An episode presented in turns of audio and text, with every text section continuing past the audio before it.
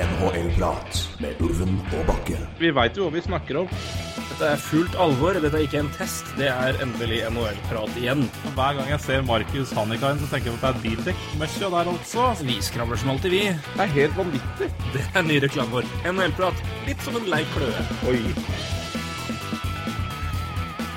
Og eh, når vi trykker eh, record nå, så er det snaut 30 timer til det skal velges uh, første runde i NHL-draften. Det uh, Det går unna. Det er uh, I går var det vel ett år siden vi var i Tsjekkia på åpningskamp i fjor og nå er det nettopp krona en en og nå skal det draftes. Det det, det er, litt sånn jeg, Kjenner du det på den interne klokka? At det, det går ikke helt opp? Uh, nei, det er, det er, for så vidt korrekt, det. Altså, er, tida går jo fryktelig fort nå, da. Uh, men vi skulle nå ha vært igjennom en draft for ganske lenge siden, så Men uh, ja, 30 timer til. 30, jeg føler det er 30 timer siden vi podkasta sist, ja, så det, det, ja, det er ikke mye om å gjøre. Men, nei, så, men vi skal jo Nei, ett år siden Praha, ja. Mm. Vi skal jo se hva som eh, Ja, det var jo, må si det, det var jo et kjært, kjært gjensyn. Fikk jeg jo sett uh, gjensyn med både mål og med fine folk i dress og drakter på tribuna når, vi, når det var høydepunkter på, på, Facebook. Så da var det gjensyn med både meg og Alhaug. Det var hyggelig. Så nei, men det var en fin, fin tur, det, altså. Ja, det, det, det var det absolutt. Vi skulle dit i år, og det slapp vi jo, da. Det gjorde vi. Men uh, det er det mange som slapp òg. Ellers er det mye mange som har sluppet ganske mye. Men uh, igjen, hvis vi, vi skal nå uh, gå løs på en intens uke som vanligvis er junihøytid og julihøytid, men nå blir det oktoberfest isteden uh, i NHL. Jeg, jeg, kjenner det at det er, det er, veldig uvanlig på en måte å la, det er det, men det er uvanlig å lade opp liksom, til draft og free agency, og så er, vi, er det høstmørkt. Men det har skjedd en del siden, uh, siden sist, sjøl om det ja. ikke er veldig lenge siden. Men det, det, tror jeg vi tar til sist, for nå er det, det er noen, ja. Det skal draftes uh, på kort tid, og for de som hører på der, så er det greit å kanskje få unna den først. Så kan dere ta mm. litt nyhetsreaksjoner seinere og pause hvis det skal bli det. Men det er vel kanskje noen som nå kanskje ha trykka play på podkasten for å lade opp til klokka nærmer seg ett da, natt til onsdag. Og det skal uh, kjøres en virtual draft. Jeg er veldig spent på hvordan de gjør det. Jeg så jo det med når NFL kjørte det. Det funka veldig bra. Det var jo en stor suksess. Så det er jo interessant å se hvordan de klarer å gjøre det her, da. Det, og, hvordan det blir satt opp. Men uh, jeg vil vel type at NHL har, uh, i likhet med det NFL gjorde, så har de vel da gode samarbeidspartnere i noen tele, tele, ja, nettleverandører som kommer inn og sørger for at uh, her er linjene på plass, og her er det, her er ja, altså, ikke noen tekniske problemer som svikter.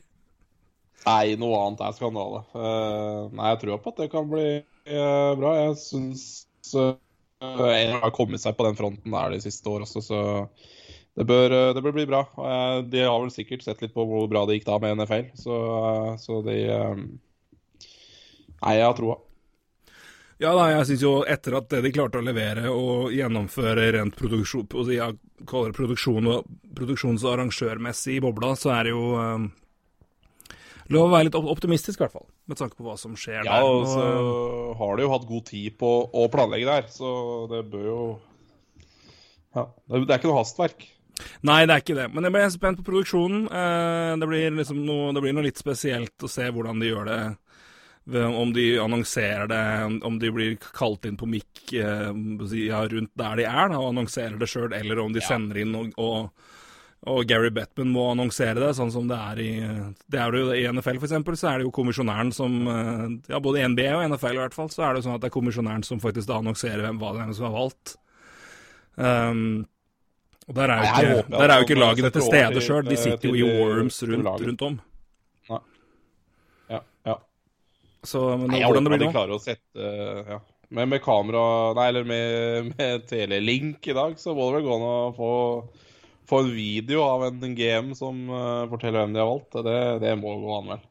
Ja, det, må, det, det må snakkes fransk for Montreal Canadiens i hvert fall. Det er et spørsmål om Gary ja, Bettman skal begi seg ut på det. Yes. Nei, det tror jeg går fryktelig tomt. Men, uh, men uh, hvem vet?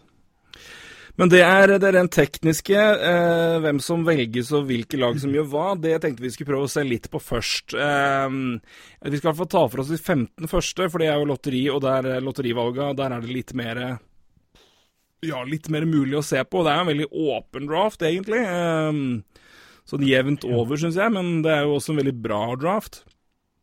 Mm. Og det er ganske mye interessante situasjoner og interessante lag med, med mange valg. Um, som, som, er. Men eh, vi har eh, prata litt i forkant, gjort noen tanker. Men vi skal egentlig tenke litt høyt sammen og prøve å sette opp en 15, topp 15 her nå. Eh, jeg har også bladd ja. opp da mockdrafts, eller rangeringer, da, fra Craig Button i TSN, Bob McKenzie, Corey, Corey Pronman i og også da Sportsnets eh, Hva heter det igjen? Sam eh, Å, kom igjen, da. Sam Cosentino, selvfølgelig, som er draft-guru yeah. på uh, Sportsnet sammen da med Jeff Merrick. Som mm. hadde en liste som kom ut for noen dager siden. Button sin nå er vel ganske ny der, og samme er Prodman sin. Uh, og Bob McKenzie er jo da som kjent uh, rangert ut ifra scout-samtaler eller samtaler med lag, da, og hvordan de rangerer uh, spillere. Så rett og slett Kaller det gjennomsnittet av det, der scouter ja. rangerer spillere, vil de havne. Så det er Nærmest fasiten? Nærm, ja, det er jo det. For det, er, det, øvrige er jo personlige rangeringer og tanker om hva det er, mens uh, McKenzie sitter jo og samler inn fra alle lag og tar det, så det er jo det er klart, da, da, da vil jo det være et det, er klart, det, er jo, det, er sikkert, det er jo noen lag der ute som har noe, har egne boards som er ganske annerledes, men da har du i hvert fall ganske jevn oversikt over hva, hva laget tenker på. Ja, jeg, men det, det, blir jo spennende i år.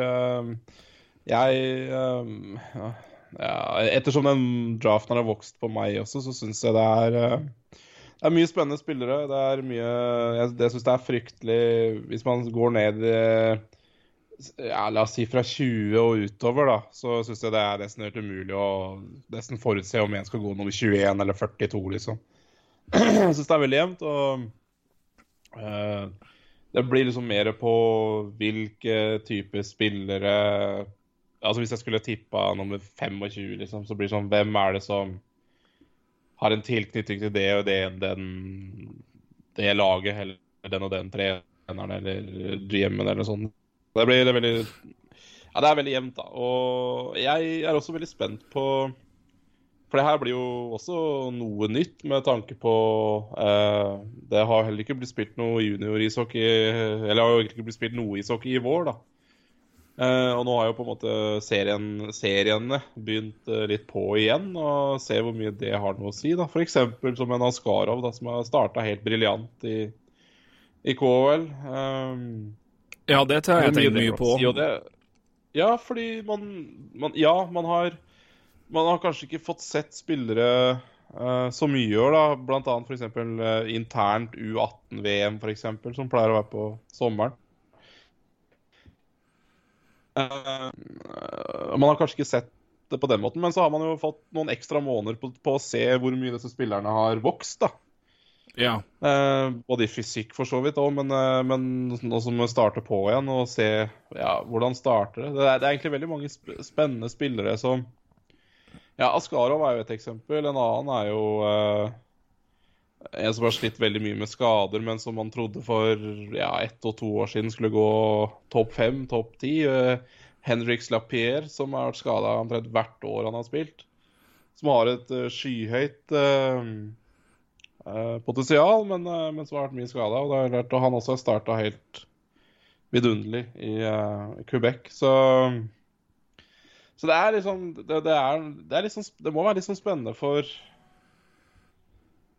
for GM-ene rundt omkring òg. Uh, det kan ikke ha vært veldig en enkel sesong å speide i. Det jeg håper det kom... Ja, nei, Unnskyld, det var ikke bryter av der. Men uh, jeg håper virkelig at det kommer en skikkelig grundig reportasje med flere lag og speidere som snakker om den prosessen her, og hva de faktisk har gjort, og hvor, hvor vanskelig det har vært. For det her, dette her har vært helt uh, Uh, det her har vært nesten å lande litt på månen, tror jeg, for ganske mange lag. For det her, det her er, det er, altså Ja, det er jo speiding, og de har noe å gå på, men det er en del ganske essensielle elementer som er inne der. De har ikke fått sett spillere på nært hold på mange måneder, og i en alder hvor det er ganske viktig å og igjen, altså, gir fysisk utvikling faktisk spiller en del inn, spesielt i ja, enkeltspillere som har vært uh, ja, er på den mindre, mindre sida, og som man håper å se litt utvikling i rent fysisk. Da. Altså, det er ganske mange faktorer som, som forsvinner her. Så det er type, Hva gjør det med Altså, og, og, hvor slår det ut, da? Altså ja. Uh, det, er, det, er, det, er, det, er, umulig å si nå, men jeg, kjempe, jeg håper virkelig det er noe vi kommer til å få vite mer om etter hvert. Hvordan det har vært å jobbe med dette her. For det, er helt uh, Som du påpeker, det er ganske mye essensielle deler om, og viktige ting som ikke er, uh, er med her, rett og slett. Og det er både det med intervjuprosesser og det å få, få sett nærmere på spillere i altså, sånn. Altså, det har jo vært ja, altså Zoom er hyggelig og blitt en fin del av hverdagen til ganske mange, men det er noe annet å på en måte ha de intervjuene med, med en, et prospect som sitter i Finland, enn uh, å være rom i rom og få liksom ordentlig prat, altså. For. Ja, ja, helt klart. Ja, helt klart. Også, men igjen, jeg bare påpeker igjen altså, det der at, at man ikke har sett uh, de beste spillerne spille mot uh, de andre beste spillerne på samme alder. Da, som f.eks. Ja, ta Alexander Holtz, da, for eksempel, som spiller uh, som hadde, hadde vel Ja, spilte jo Djurgården i fjor. SHL hadde vel 16 poeng, 9 mål på 35, poeng, 35 kamper. Eh, men hvor bra er Altså, det er jo det, Altså, alle de, tall, de, tallene der vitner om, eh, om, kvalitet. Det er veldig sterkt. Men hvor, hvor, bra hadde det vært hvis han spilt med jevnaldrende? Mot jevnaldrende. Ja, ja, det er jo helt rått, men hvor han, Og han spilte jo, han spilte jo U20-VM. Men uh, på et U18-VM, hva hadde det vært for noe der, liksom? Men det er jo det som er ja, samme, ja, med, med, Det som er veldig spennende. Samme med Lucas Raymond, samme med Eller ja, Raymond ja, det, det, gjelder jo de fleste som fleste kommer til Europa, da. Ja. Anton, Anton Lundell. Det er liksom Ja, ikke sant. Ja, og, og bare sluttspill, da, i uh, junior i, Ja, sluttspill i juniorligaen uh, i Canada, og hva det betyr der, og hvem som eventuelt hadde fått klatra godt opp. Så Nei, det er noen elementer som uh, som er borte i år, da. Som, uh, som nok er ganske viktig. Men uh, ja, det De har vel nok av grunnlag til å velge sine spillere for det, det er ikke det. Men det er noen elementer som gjør det ekstra spennende, da. Ja, jeg er veldig spent. Det blir veldig spennende å følge sendinga med tanke på hva, hva de kan si om, om altså ja, altså, og hva, hva, for, hva, lag sier om de forskjellige spillerne, og hva de har fått med seg, og, og, og hva som har stått ut. Altså utover og igjen. Ja. Nei, det blir veldig veldig interessant. Og det er, som du sier, det er ganske, det er en ganske unik situasjon. Så mm. Men eh, Nei, men det blir um, en, eh, ja, det har vært et unikt år på mange måter. Det her blir ikke noe helt annet. Men uh, det, her blir, det, blir, det her blir ingen, på ingen måte noe annet enn det. Men uh, det blir rett og slett ganske det, Vi får vel forhåpentligvis det her kun én gang i, vår, i det nærmeste framtida nå. Det er forhåpentligvis tilbake til på samme måte med arena og det som er. Men hvis vi skal gå løs på, um, ja. på draften, så er jo altså Førstevalget er jo ikke så fryktelig spennende i, i seg sjøl. Uh, men det som er spennende, som jeg vil spørre deg, er uh, For dette er jo det standardspørsmålet, men uh, hvis vi skal sammenligne Alexis Lafreniere med noen tidligere førsterunde og første, first, first, first overall-valg, hvor havner han da? Hvor, hvor god er denne, denne gutten her? Uh, nei, altså hvis man ser på tallene hans uh, fra Quebec, så er det jo uh, Det er jo selvfølgelig en helt annen type, det er jo en wing, men han har jo tatt rekordene til Sidney Crosby, og ja, det sier jo litt om, om talent, det. Men jeg har jo sett litt av sammenligninger, så er det jo sammenligna med Vincent Le Cavalier, blant annet. Så det er jo det nivået Alexis Lafreniere er, og det blir jo mest sannsynlig eh, en franchise-spiller av ypperlig kvalitet som Rangers får der.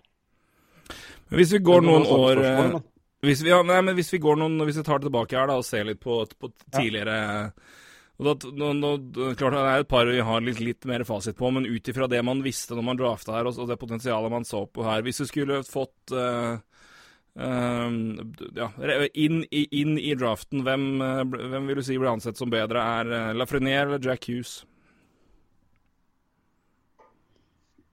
Oi, oi, oi. Det Oi, det, det er close. I hvert fall altså, hvis man tenker før draften i fjor. Mm. Um, og så litt uh, det er, Og så er det dette med Det er jo hver gang vi har en draftprat, det, så snakker vi om senteret. Mm. Altså, altså, verdi sånn sett. Uh, men uh, jeg tror jeg Altså, hvis Lafreniere hadde blitt drafta i fjor, så tror jeg Lafreniere hadde fort gått nummer én, altså. Ja, det er i hvert fall veldig close. Uh, hype og, og alt rundt. Ja, ja. Dalin eller Lafreniere? Dalin eller Lafreniere Å, oh, hei. Uh, det er ikke lett, Nei, altså. Nå bare spør jeg sånn hvis det må være noe, for det Nei, fordi eh, men da må jeg liksom tenke tilbake til da, da Dalin ikke sant, eh, ble drafta, så må jeg jo si Lafrenier igjen, da. Altså, Fasit med hånd nå, så blir det jo mye closer, ikke sant? men du skjønner hva jeg mener. Ja, men igjen nå, men det var liksom, men det, Dalino var det veldig mye rundt, men det var jo back opp mot hva han kunne gjøre på alle mulige ting, men det, er, men det er jo ofte, altså det er jo ikke så veldig, veldig Altså, det er bare å se på hvem som vinner MVP Awards. Altså, det er jo offensivt er mer sexy enn defensivt. Så bare ja. det i seg sjøl er, er, vel et kort som går i favør Lafreniere der. Uh, ja, ja, 2017 og Nico Hischer, det er, det er, vel ikke spesielt jevnt, tror jeg. Uh, da var det Den hadde Lafreniere tatt. Uh, Matthews Ja, der er det vel Der, der tror jeg nok det er veldig close. Der tror jeg du ja, om, Uavgjort, da. Altså Og du tenker det, ja? Jeg tror, jeg tror jeg ja, det tror jeg. Og jeg, jeg, jeg syns det var mye klarere tall på at Matthews var liksom en altså banker sånn igjen, men, ja, ja, men han er Men igjen, men det er noe med at han har, vært, så, han har vært så klar liksom så lenge at det blir sånn underbygd òg. Men uh, nei, nei, men det er ikke mye med å gjøre, men uh, men, altså, men, altså, men, men, når vi sier det, så da, da, da sier vi liksom også på en måte hvor, hvor høyt rangert Lafreniere faktisk er, da. Altså når vi er, når vi, når vi er der. Han går jo ja, ja. tydeligvis da foran de fleste her. Ja da.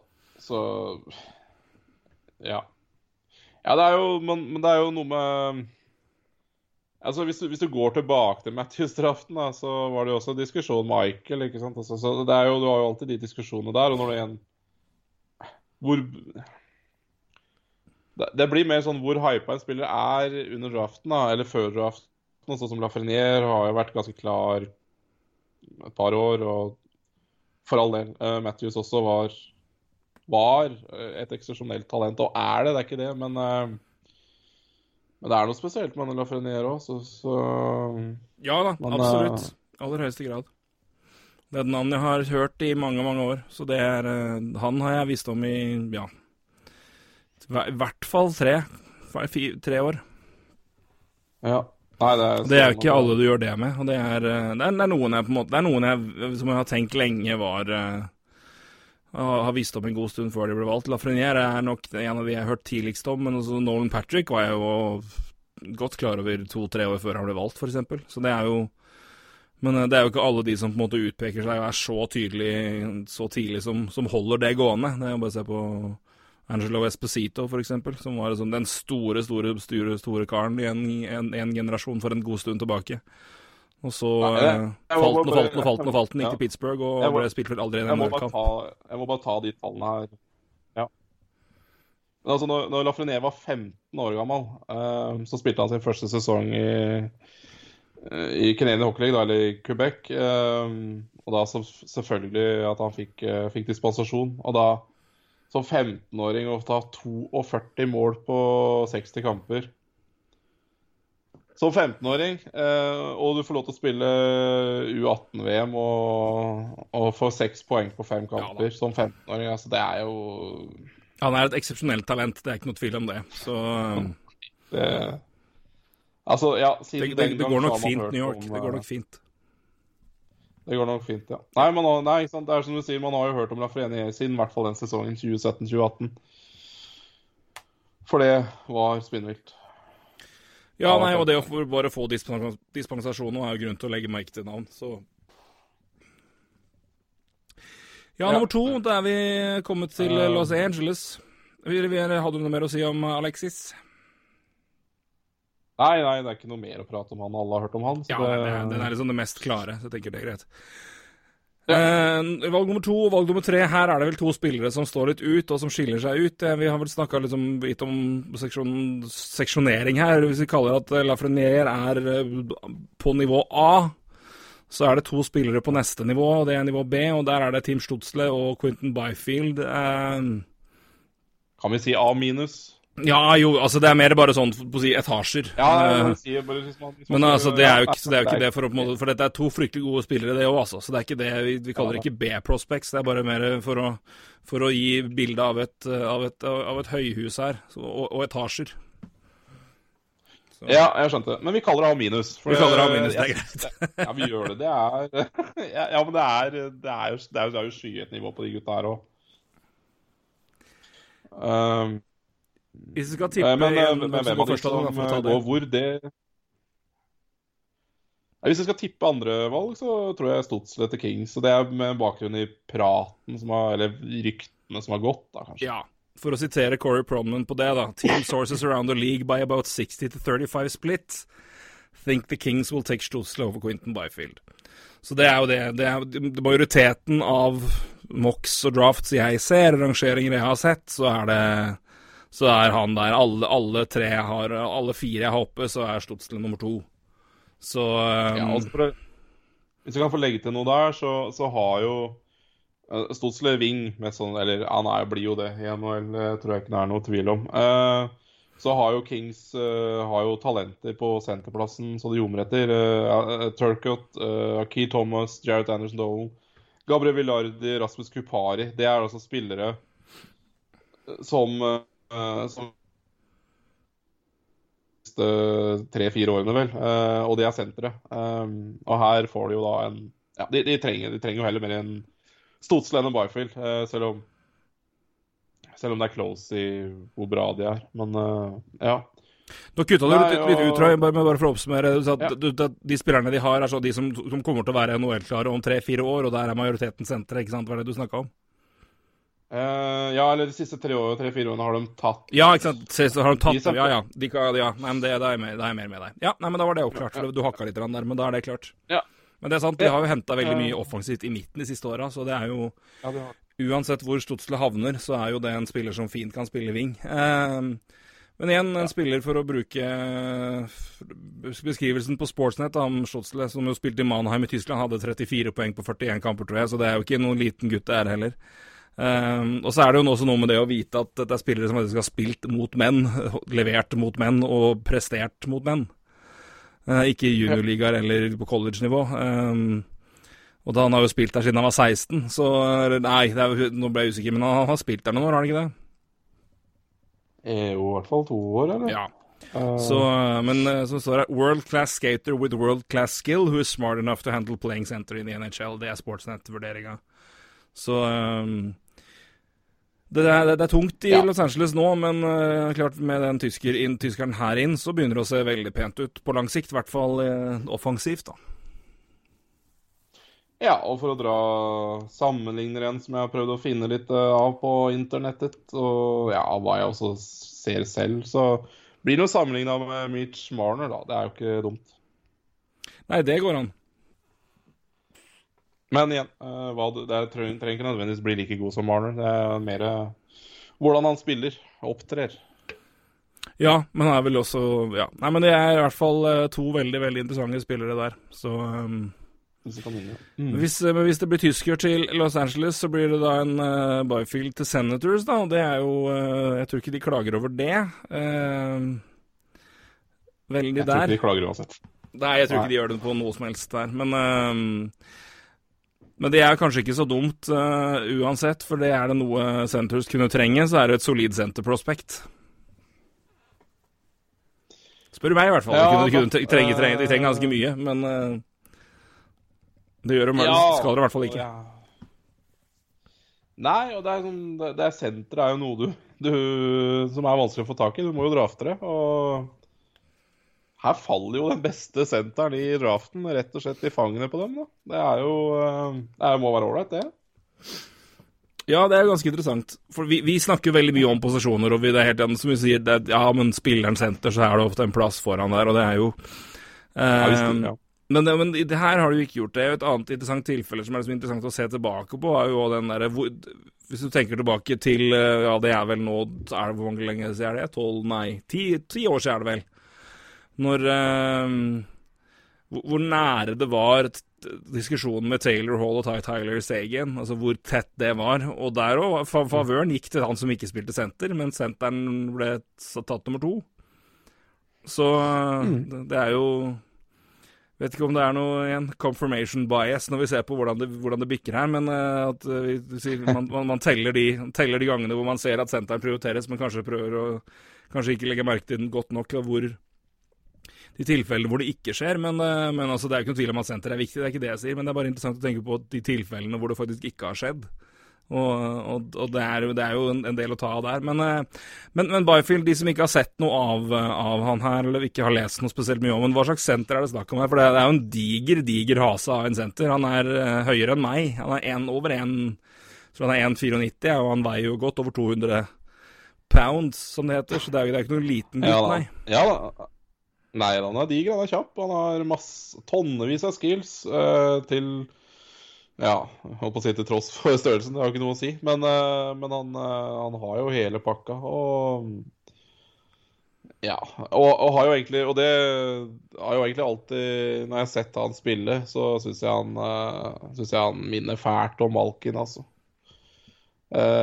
Som en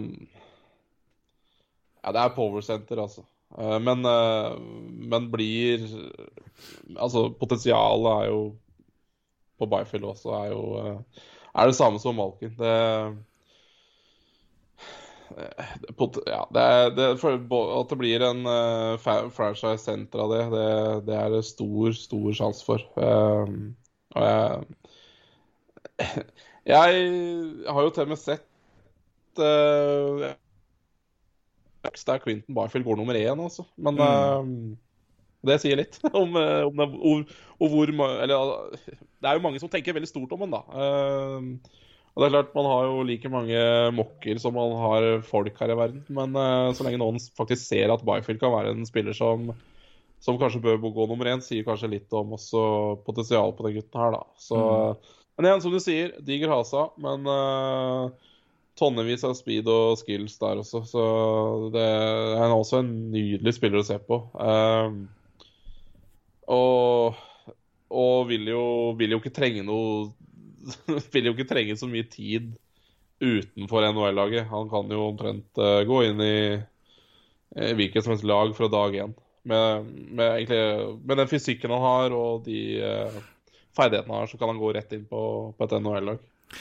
Ja, Interessant du sier det. Jeg tenkte jeg skulle nevne to ting som går inn på det du har snakka om nå, som jeg har lest i de mock-draftene her nå.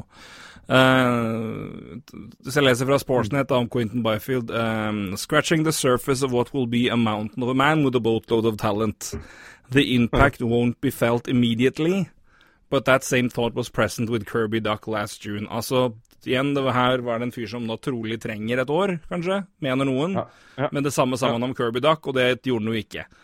Um, det så vi jo i sommer i fjor. Uh, og, og som du sa, det med Jan, hvor høyt man rangerer Byfield og sånne ting. Så på samme da, den som jeg leste i stad, det med fordelinga av uh, Stotsle Byfield til Kings, da. Uh, at igjen fordel, fordelen der gikk til Stotsle med rundt 65 35 uh, i, i, prosent. men for å fullføre det, da. Det er det Prodman skriver. What's been interesting in this debate is the passion of those who feel one way or the other. There are a lot of people in the NHL who feel Stutzle is clearly better, and a lot of people who feel Byfield is clearly better. Så det er ganske mange Det er mye Det er, det er mange som står ganske sterkt på sine favoritter her, i den, uh, den, biten her. Altså i den mellom de to Ja, tydeligvis ikke bare de to, da, men også når det gjelder Lafrenier. Sjøl om klart at tar du han med i miksen, så er det nok klart flertallet går hans vei. Men, uh, men de, som er, de, som mener sterkt om Byfield, gjør virkelig det òg. Og tydeligvis da også om Stutzle. Ja, det er bare sånn Jeg, jeg husker ikke hvem som hadde Barfield nummer én. Det er ikke sikkert så, at det er en person som, uh, som man bør, bør lytte til altfor mye. Men uansett at det er noen som har det, bare viser det var egentlig bare mitt poeng, da. Uh, men, uh, men ja, det er jo interessant. Og, og, igjen, altså Hvis det er noen som mener noe klart om Stotz eller klart om Quentin Byfield jeg er ganske sikker på at det er noen som har sett veldig mye av Team Stotsle. Og de har sikkert sett mye av Quentin Barfield òg, eh, men de som har sett veldig mye Quentin Barfield, er ikke sikker på at de har sett veldig mye Team Stotsle. Det er et veldig godt For, poeng. Uh, fordi uh, igjen, uh, er du canadisk-basert scout, så tror jeg ikke du ser så fryktelig mye tysk ishockey. Um, så ja. Jeg Da har du litt annet å drive med, liksom. Ja. Uh, så men, men interessant, altså når vi ser Det kan være noen deling der, da. Ja, nei, men, men, som du sier, det er interessant at de tilfellene hvor det er noen, et fåtall som da velger en spiller som få tenker på som valg nummer én, da, spesielt når det er noen klare alternativer. Det er bare å se mm. på En ting jeg husker konkret, er jo 2017. Da var det eh, Av ti spurte i, eh, i eh, oversikten til Bob McKenzie, så var det fem som hadde Nico Hischer som nummer, nummer én. Fire hadde Nolan Patrick. Én person hadde Cale McCarr. Mm. Og det er jo da pga. Cale McCarr med altså, mye større usikkerhet, men taket der var såpass høyt. Så det var én person som hadde det. Men McCarr var jo da også sånn rangert alt fra én til ti på grunn av De vet ikke helt hva det kommer til å bli, men blir det bra, så holy fuck, det blir bra. Og det er jo interessant. Hva er det man går for her i de tilfellene her, da? Altså, strekker man seg for potensialet, eller holder man seg til ja, vi, vi, snakker ikke prima helt til topp her, men det blir i hvert fall veldig, veldig bra, og det er vi sikre på. Altså, hvem, hvem er det som gambler og strekker seg etter det? Hvem er det som går på det sikre? Og det er jo klart litt, litt annet med Byfield, da, men, men, det er interessant å se tilbake på i de tilfellene hvor det er noen da som har som har da, hatt spillere som har vært eh, nummer én, mens, mens, øvrigheten er ganske klare på at det er opplagt at den er nummer én. Uh, I overraskende mange tilfeller så er det faktisk ikke så dumt, det de andre har påpekt tidligere. Så Nei, jeg tror ja, McCarr fort hadde blitt nummer én. Vi hadde drafta igjen, for å si det sånn. Ja, ja, ja, ja, ja. Det er ikke noe tvil om det. Men igjen, da. Eh, McCarr var jo Spilte vel i AJHL, gjorde han ikke det? Eller BCHL? Ja, AJHL. Jeg tror han var eh, Jeg tror han gikk vel inn i college, var han ikke det? Jeg tror det. Og Nei, ikke når han ble drafta. Altså, året etter han ble drafta, så gikk han til college. Uh, men han var, ikke, uh, han var vel ikke i de heftigste underligaene. Han var i A Han var i A og HL, og det er veldig er ekstremt sterkt huska. Herregud. Brooks Bandits. ja, eller, eller BCHL, da. Det er jo en av de to. Hvis, eh, men jeg husker jo Cale McCarl, for det usikkerheten hans, usikkerheten hans var jo rundt det, hvilken liga han hadde spilt i. Samme var jo Tyson Yost når han ble drafta til Colorado. Også, det gikk ikke like bra. Så... Hæ? det gikk ikke like bra. I hvert fall ikke enn så lenge. Sant? Nei, men igjen, men du ser jo liksom på altså, Se på McCarr, da. At at Førsteåret hans i college så har han 21 poeng på 34 kamper. Ja, altså det er førsteåret hans, men, men, du har jo sett spillere som har kommet inn eh, som har gjort det, mye, gjort det, bedre enn som så. Altså mye som har vært liksom høyt, høyt ansett. Men igjen, ett år til, da, så er det 49 poeng på 41 kamper og 16 mål. og Det er da han kommer inn og, og har 6 poeng på 10 kamper i playoff, og så er det rett inn i, i fjor, eller den sesongen her, da. Så igjen, det er, eh, det er interessant. Jeg, jeg, må jo bare ta det jeg må jo bare ta, bare ta det her, Bakke. For det her, kommer jo egentlig opp som en uh, ja, som en digresjon, da. Men du nevnte Cale McCarr, 2017, ikke sant? Mm. Fra AJHL. En liga du altså Sjelden tenker på. Ikke topp Ikke sant. Tyson Yost er ved 2018-draften. Ja. Eh, fra hvor, var, var, det BCHL, eller var det Det tror jeg var B... Nei, hvor var det? Skal vi se. Ja, hvis du sjekker det. Jeg skal sjekke det kjapt. Han var, ble vel tatt sju, nei Ni? Jo, noe sånt. Ja, topp ti i hvert fall. Ja, gikk det i hvert fall til Ti var det. Han gikk til, til uh... Han spilte, ja. ja han spilte Pen Penticton VCI BCHL. Ja, eh, 104 poeng på 48 kamper. Og i fjor så tok eh, Colorado og uh, Alex Newhook eh, som 16 overall. Også han spiller i BCHL. Og herja da i college i fjor.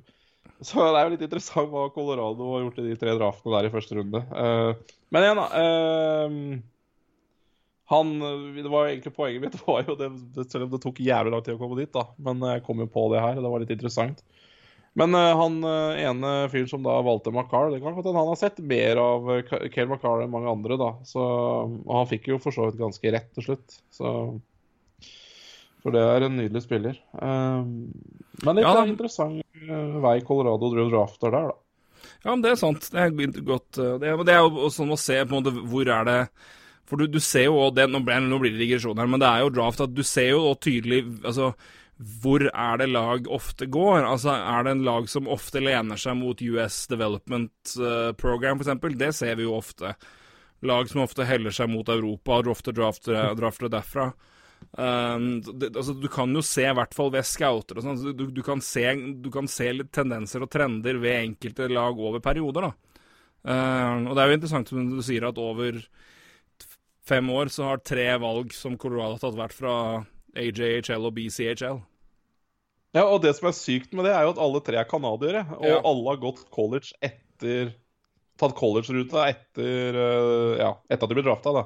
Det også er jo Det er jo egentlig OK, det er sikkert tilfeldig, det her, men det er veldig interessant. Nei, men det er, det er, altså, det er tre, tre, er nok til at det i hvert fall blir interessant å se hva er det, hva er det som egentlig er um, hva, hva er, altså, ja, er det noe mer bak her? Men um, Nei, men det, det, får, eh, det blir ikke noe Colorado-draft høyt nå, i hvert fall. Det har de i hvert fall sikra seg. Men uh, det er andre lag som kommer dit nå. Det er annet uh, si, andre halvdelen av uh, NHLs mest kjente rivaleri, vil jeg si. I hvert fall på 90- og 2000-tallet.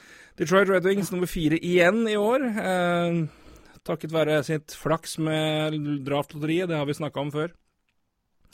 Her begynner draften litt ordentlig for min del, kjenner jeg. Uh, for de tre første er, er liksom litt greit. Her, her begynner det.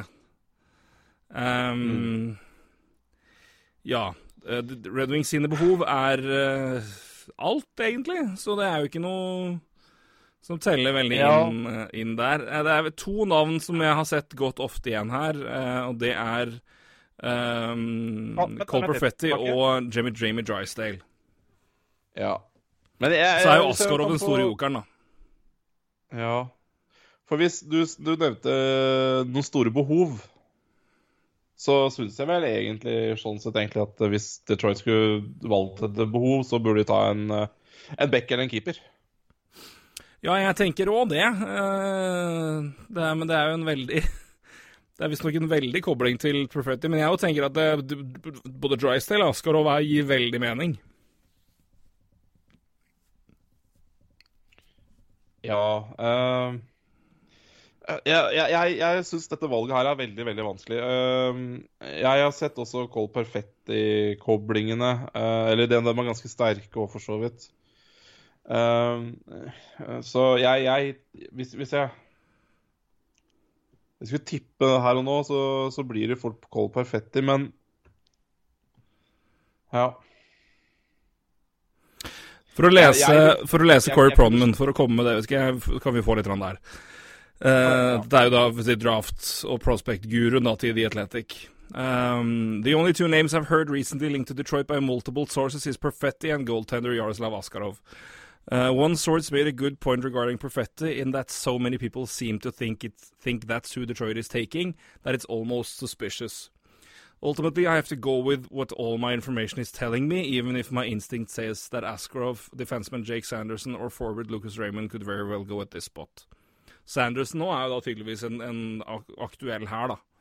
Men igjen, han har jeg sett Både han og ja. andre har jeg sett, han har jeg sett alt fra her til 15, så det er jo helt For øvrig sønnen okay. da, til gamle Joff Sanderson, så det er til de som husker han. Ja. ja. Hvis, jeg, hvis jeg, kan få bare, bare sånn for å ta det egentlig med en eneste gang Når jeg snakker om uh, Detroit Red Wing, Steve Iserman og Sources, så ville nesten stryke sources. Fordi det, det har også et veldig godt poeng. Ingen verdens ting å si, eh, fordi Steve Wiseman eh, kjører sitt eget løp.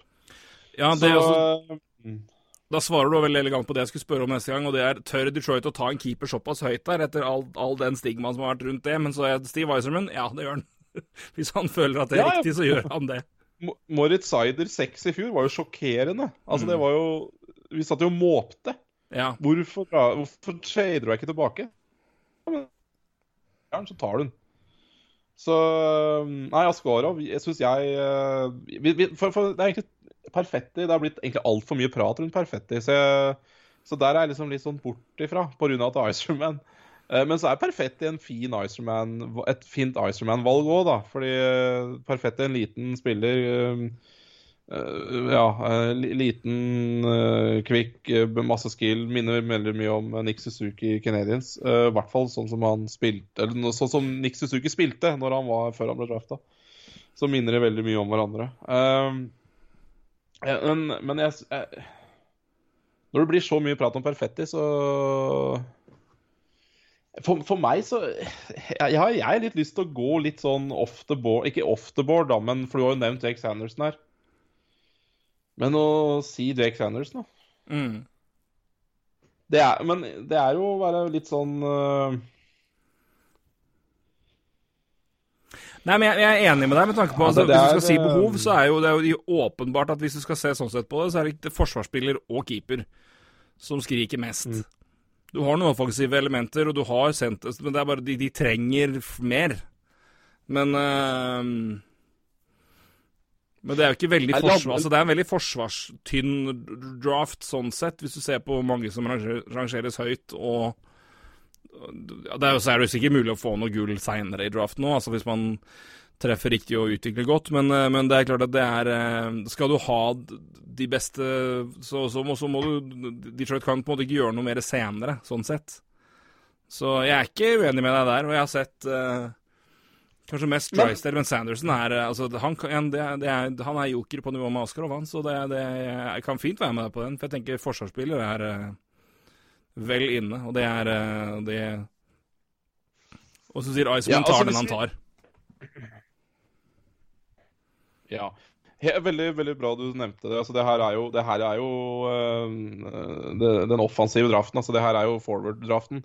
Neste mm. år er det jo Heva Becker som kommer til å gå første runde, så neste år er jo backdraften. Men, uh, men igjen, uh, litt needs her, da. Uh, og så tenker jeg Jeg, jeg sånn personlig er jo større fan av Jamie Drysdale enn Jake Sanderson. men det går jo mer på at Drysdale er en offensiv back. men det er ikke nødvendigvis det de tenker når de skal drafte Altså, hvis du ser på offensive, offensive backer i i Detroit da, så har de i hvert fall Philip Ronek og ja, ikke sant? Så de Altså Mens Dick Sanderson er jo en ja, Han blir sammenlignet med Ryan Suter, da. Det er jo en det er jo en back som, uh, som nok antakeligvis ikke får noe uh, vanvittig mye poeng, men han kommer til å dra utrolig mange minutter og spille uh, Ja, spille utrolig mye, og, han kommer til Ja, altså, ja en Ryan Suter, Shay Webber-type, da. Mm. Tar ja, men... tonnevis av minutter.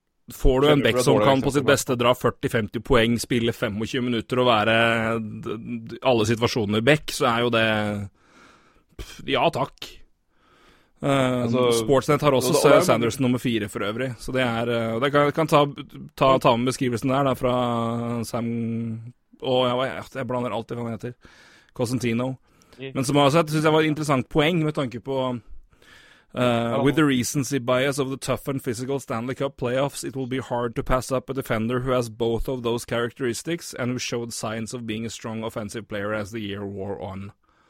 Så uh, Sanderson er jo en fysisk god back, så Nei, jeg syns det er helt uh, Det er innafor det, altså. Godt innafor. Spørsmålet skal vi gå for Askarov, eller skal vi gå for Sanderson? Til Detroit? Ja. Nei, jeg, jeg, da tror jeg vi går Sanderson. Så kan vi, kan vi ta Askarov ja, neste. ja, OK. ok, ja. Er det ett lag som trenger uh, keeper, så er det, de, er det et Ottawa. Ja. Og de, har noe, de kan jo leke seg litt da med det femte rundevalget. Eller femte mm. femte overall-valget. Leke seg i hermegås. De kan jo faen meg Men hvis, hvis eh, Sanderson går der, da, for de har også kobla til han en del Det, mye, det har vært veldig mye snakk om det. Så hvis Sanderson går Detroit da har du Drysdale, som er forsvarsalternativet. Du har fått Byfield, du har styrka offensivt, du har bra Du har flere offensive talenter. Ja. Du har det høye valget der, og det at du har fått to valg såpass høyt, er jo bare en, et under og en blessing. Så du spiller ja. jo litt med house money uansett her. Um, ja. Jeg tror ikke Askarov-aksjen har gått ned. Altså, men jeg, sånn, jeg bare, jeg, jeg, Hvis det liksom lander sånn som det gjør, da For jeg tror Hvis det nå skulle bli sånn at Perfetti går til Detroit og Sanderson er der, eller, eller altså, hvis, det, hvis vi skal følge den, den, logikken der, så tror jeg det er lettere. Men hvis, hvis det er sånn at Ottawa vil ha Byfield Sanderson, f.eks., og han går, mm. da er det jo igjen Hvor gira er de da på Drysdale? Og to, hva, hva, tenker de da om Askarov? Så um, Men du sitter litt ja, med Houseman når du som har fått, fått tre og fem, altså. Ja, du gjør det, og du Altså, det laget der er jo ikke bra på noen år uansett. Og det tar jo en stund å um, utvikle en målvakt, så Men La meg gi deg følgende scenario, da. Hvis vi kan ta en plan. Ja. Hvis vi får spille inn følgende ting her. Nå, da, nå, igjen, nå jobber, det, er, det, er, bare sånn for å selge inn altså, den, hvordan man kan ja. tenke ja, sånn sett. Jeg, jeg prøvde å google i dag hvor, hvor lang kontrakt Askarov har i KHL. Og når han da kan eventuelt hentes inn. Men la oss si at han spiller KHL i to år til, da. Mm. To år til i KHL. Ja. Ottawa tar The Pierre ja. Dorian ringer til, til Vegas. Hvis det her går seg til, jeg vet ikke Får se, det, bare, det trenger ikke være det, men bare noe annet. Og så tar de på seg, eller får da Fleury i to år. Ja. Da har du en solid keeper som kan være med da med et ungt lag og fortsette å begynne å bygge utvikling. Mm. For de har jo nå De har nok biter at du kan i hvert fall begynne å gjøre noe ålreit. Ja. Og da har du den inne der. Og så kan Askarov komme om to år. Og da tror jeg han er mer enn klar. Og da har du forhåpentligvis da etablert et forsvar med to-tre hjemmebygde, gode folk. Chabot, Brennstrøm er der, kanskje en person til eller om designere. At du har i hvert fall en topp fire som fungerer godt, som har blitt rutinert ja. nok og stabile nok. Da har du ja. Byfield, du har Chuck, du har et par andre, flere andre unge elementer, og samtidig da også forhåpentligvis fått inn et par andre rollespillere som har bygd seg. Så da har du et kompatibelt godt lag som bør ja. kunne begynne å tenke på å kjempe sluttspill. Hvis du da har det, så får du inn forhåpentligvis da Prospect, som er det beste keeperen i draften siden Keri Price. Hvis jeg, hvis jeg skal få Jeg er helt enig med jeg er, he, jeg, jeg er helt enig med deg. Helt, helt, helt, enig med deg. Men hvis jeg skal få lov til å være djevelens advokat her, da Kjør på. Dette er, dette er Ottawa. Ottawa Sentrums. Ikke sant? Du, du, skjønte hvor jeg var med en gang. Men det er greit. Dette er Ottawa Centers. Eh, Kaosklubb nummer én og kanskje lag nummer 32 du har lyst til å spille for om mm. to år. Og du er Askarov, du er russer. Er det en Altså, jeg tenker eh, er, er, For det, vi snakker jo om det der om man tar en sjanse på en russer. Og det, jeg syns jo det er litt sånn Jeg syns du skal gjøre det. Men bør Ottawa gjøre det? Det hele kommer jo an på hva de, er, hva de, er, villige til å betale for å signere for. Når, når han er klar, da. Han, han kommer jo til å kreve penger uansett, så jo, men, altså, jeg, jeg, men, jeg, men, men, det er et godt poeng, og du, du, det er noe du må tenke på. Så det er, jeg, ja, hvis, det er noe lag som, hvis det er noe lag det er aktuelt for å tenke på det, så er det jo Ottawa. Det er sant. Ottawa Arizona. Ja, ikke sant. Mm. Uh, så, så, så, det er nok eh, Det er nok litt vanskelig Det, er, det er nok, gjør det nok litt vanskeligere, fordi ja, skal Askarov spille i NHL om tre år, så må han på tre år entry level, og det vi gidder han det. Kanskje. Kanskje. Jeg, jeg, tror det. Det er ikke, må han det? Er ikke det? Igjen. han må jo det. Må han på tre år? Ja, i hvert fall om to år.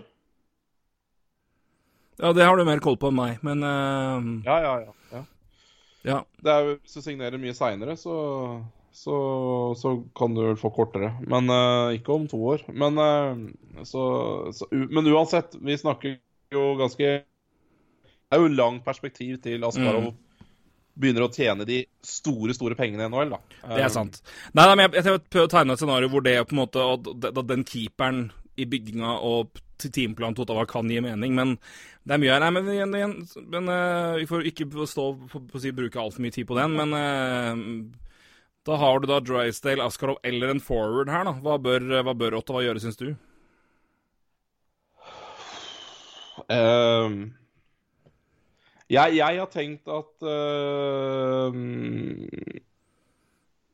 At Lucas Raymond er det har vært mye snakk på han og Ottawa før. Er spilleren som Jeg har iallfall alltid tenkt at det er den andre mannen som eh, Ottawa går for, da.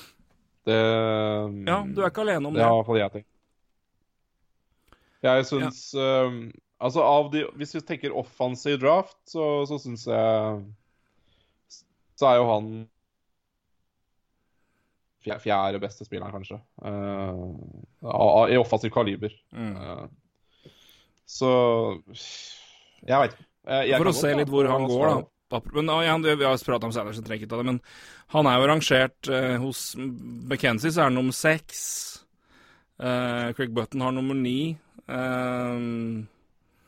Eh, eh, Pronman har sju til Devils, men han skriver jo på Centers her at gjennom hele sommeren hørte jeg Lucas Raymond var the man på nummer fem. Um, så um, Man skriver jo da men at de to, to han har hørt mest i det siste, er Sanderson og Askarov, og det kan være hvem som helst av de tre. Så, så Raymond er jo ikke noe dårlig tips der, da, ut ifra det han har hørt, i hvert fall. Og, Skal vi klinke til på Raymond da, og si at de tar ikke Askarov fordi at de er litt redd for at han uh, det, er en, det, er, det, er, det, er et hinder, altså. Selv om Jeg syns jo, altså, ut ifra det man leser om Askarov, og det man har sett, og sånn det, han har levert, så er jo jeg synes jo der, altså Gevinsten du har der, og med keeperplass og det å holde på deg sjøl, er jo enorm. I hvert fall når du ser hvor tidlig keeper ja, ja. har kommet inn og levert i tidlig alder, og det at du kan få han inne på en entry level deal og faktisk gjøre det jævlig bra så tror jeg det er, det er, det altså Har du baller til å gjøre det, så er gevinsten ganske massiv. Men det er bare hvor tidlig tør du å gjøre det her, da, ut ifra det du har Ut ifra utbyttet på andre, kanskje mer trygge uh, Trygge spillere sånn sett. Så nei, Raymond til Centers er helt greit for min del. Ja, men da gjør vi det. Ja. Da gjør vi det. Gjør vi det. Lucas Raymond, ja. ja um, deilig spiller, det òg. Ja, det er jo også en mye omtalt uh, god svenske, så det er jo så høyt tak. Men uh, igjen, en spiller som jeg sikkert mange lag gjerne skulle sett litt mer mot uh, andre på sin alder, for han har spilt i SHL. Så det samme argumentet ja. du hadde med Holtz, er vel det samme med Raymond. Altså hva Det du gjør i SHL er veldig, veldig bra, men hvor, hvor, hvor rangerer du med tanke på hvis du møter resten av kullet ditt? For å ha litt mer tydelig på en måte hvor plasser du inn i rekka. Men potensialet er jo veldig høyt, og det er mange lag tidlig som tydeligvis har lyst på nå. Så um, ja, og hvis man, på, hvis man, ser på, fysikken til Raymond, da, så skulle man jo ikke tro det er ikke, det er ikke selvsagt at han skal spille bra mot, uh, mot menn, som han gjør i SHL. Han er jo ikke noen storgutt. Uh, så Så det tyder jo i hvert fall på at han kan takle det her veldig bra. For han må jo, han må jo jobbe selvfølgelig mye med fysikk framover. Og men det gjør det jo allerede bra i SHL til å være så liten, da. Ja, nei, men igjen, det er jo hvert fall, men igjen, da har du i hvert fall fått svart på noe at du klarer i hvert fall å hevde deg der. Så ja. får man se igjen, så er det selvfølgelig en overgang fra å tåle den mindre flata, men, uh, men uansett, det er jo en spiller med masse potensial, så jeg tror ikke, jeg tror ikke Ottawa kan være de, de, bør, de, de klarer seg helt fint på det. Anaheim nummer seks. Mm. Har du noen tanker der om uh, der er det jo Altså, der, der tenker jeg ja. forsvar. Ja, jeg tror jeg, det, det, altså, Sånn som vi har lagt det opp hittil, og uansett så tror jeg nok Drysdale er en fin en der, fordi Ja, det igjen, jeg, tror jeg jo. Ja. Fordi det, det, er jo på en måte en, en, Det er jo en helt annen back-type enn Sanderson. Jeg tror hvis Sanderson hadde vært ledig på nummer seks, hadde fortsatt Anheim gått for Drysdale. For det har bare litt med ja. ja det har for å lese, for å lese det mm, Sam Casatino har skrevet, da. Som også har Drysdale 6 til, eh, til Ducks. Det har også Pronman for øvrig. Som er de eneste to som har liksom lagdrafta. Ikke bare Eller han, han nei, nei, han har vel, han har vel rangert det. Nei, Dry, nei um, Constantino har bare, har bare, rangert. Det er vel ikke Ja, det er ranking, ikke, ikke mockdraft. Men uh, det han skriver, da Combination of skating and character are amongst the best in class. Will he be more Cale McCarr or Cam Fowler? I'll, I'd gladly take either one. Så det er jo en, en en smooth, moderne back, i hvert fall. Som har uh, høy offensiv upside, men som også tydeligvis ikke bare er uh, Han er på plass med, i huet òg, og det har jo mye å si. Så en uh, solid, solid, solid kar der. Ja. Det er jo Det blir Det er i hvert fall tonnevis av offensiv potensial her, men han er jo også veldig god defensivt. Så um, Ja. Nei, det blir en Det blir en god back. Jeg har litt har litt Kale McCarr-vibber av han. Men uh, om han blir så bra, det, det får vi se på, da. Men uh, jeg har får litt vibber uh, fra Kale McCarr når han blir drafta. Litt samme hvordan han blir prata om, da. Ja. Da går vi videre til neste mulige stoppested for Askarov, men det er mange gode alternativer ellers òg. Um, ehm, det er noen veldig ja. solide offensive alternativer både i Perfetti og Marco Rossi for Devils sin del. Um, men de har jo da De har Hirscher, de har eh, De har uh, Jack Hughes, selvfølgelig, selv om det var litt uh, underveldende debut i NHL. Men det er jo ikke spesielt aktuelt her med, med forsvarsspillere sånn sett. Um, er det noen andre aktuelle her, som du ser det? Er det Holt kan være det. Kan kanskje være ja. en Jack Quinn, hvis de er høye på han. Quinn er jo også veldig enten-eller, husker jeg, i forskjellige rangeringer om Ox, men uh, uh, Gir, det mer, gir, gir, Holtz og Quinn gir mer, mer mening her enn Perfetti Rossi, f.eks., selv om det kanskje kan bli ja. vinger i NHL? Ja, jeg tror det. Jeg selv om det er en det er, jo, det er jo, Jeg tror det er større sjanse for at han blir en ving enn en senter. Men, hvem snakker du nå? Du kutta ut Rossi, eller? Senter, Rossi, men, ja. For du, du, navnet ble borte, men da er det Rossi, ja? Det er Rossi ja, Marco Rossi. Ja, det er Rossi jeg snakka om. Så, men så jeg har kanskje, hvis jeg skulle valgt Skulle tenkt nummer sju sånn som nå, så tror jeg Holz eller Askarov, da. Men Jack Quinn, veldig bra, også veldig bra alternativ her. Men det, det er, jeg vil jo Altså av Jack Quinn og Alexander Holtz hadde jeg gått for Holtz ni av ti mm. ganger, tror jeg.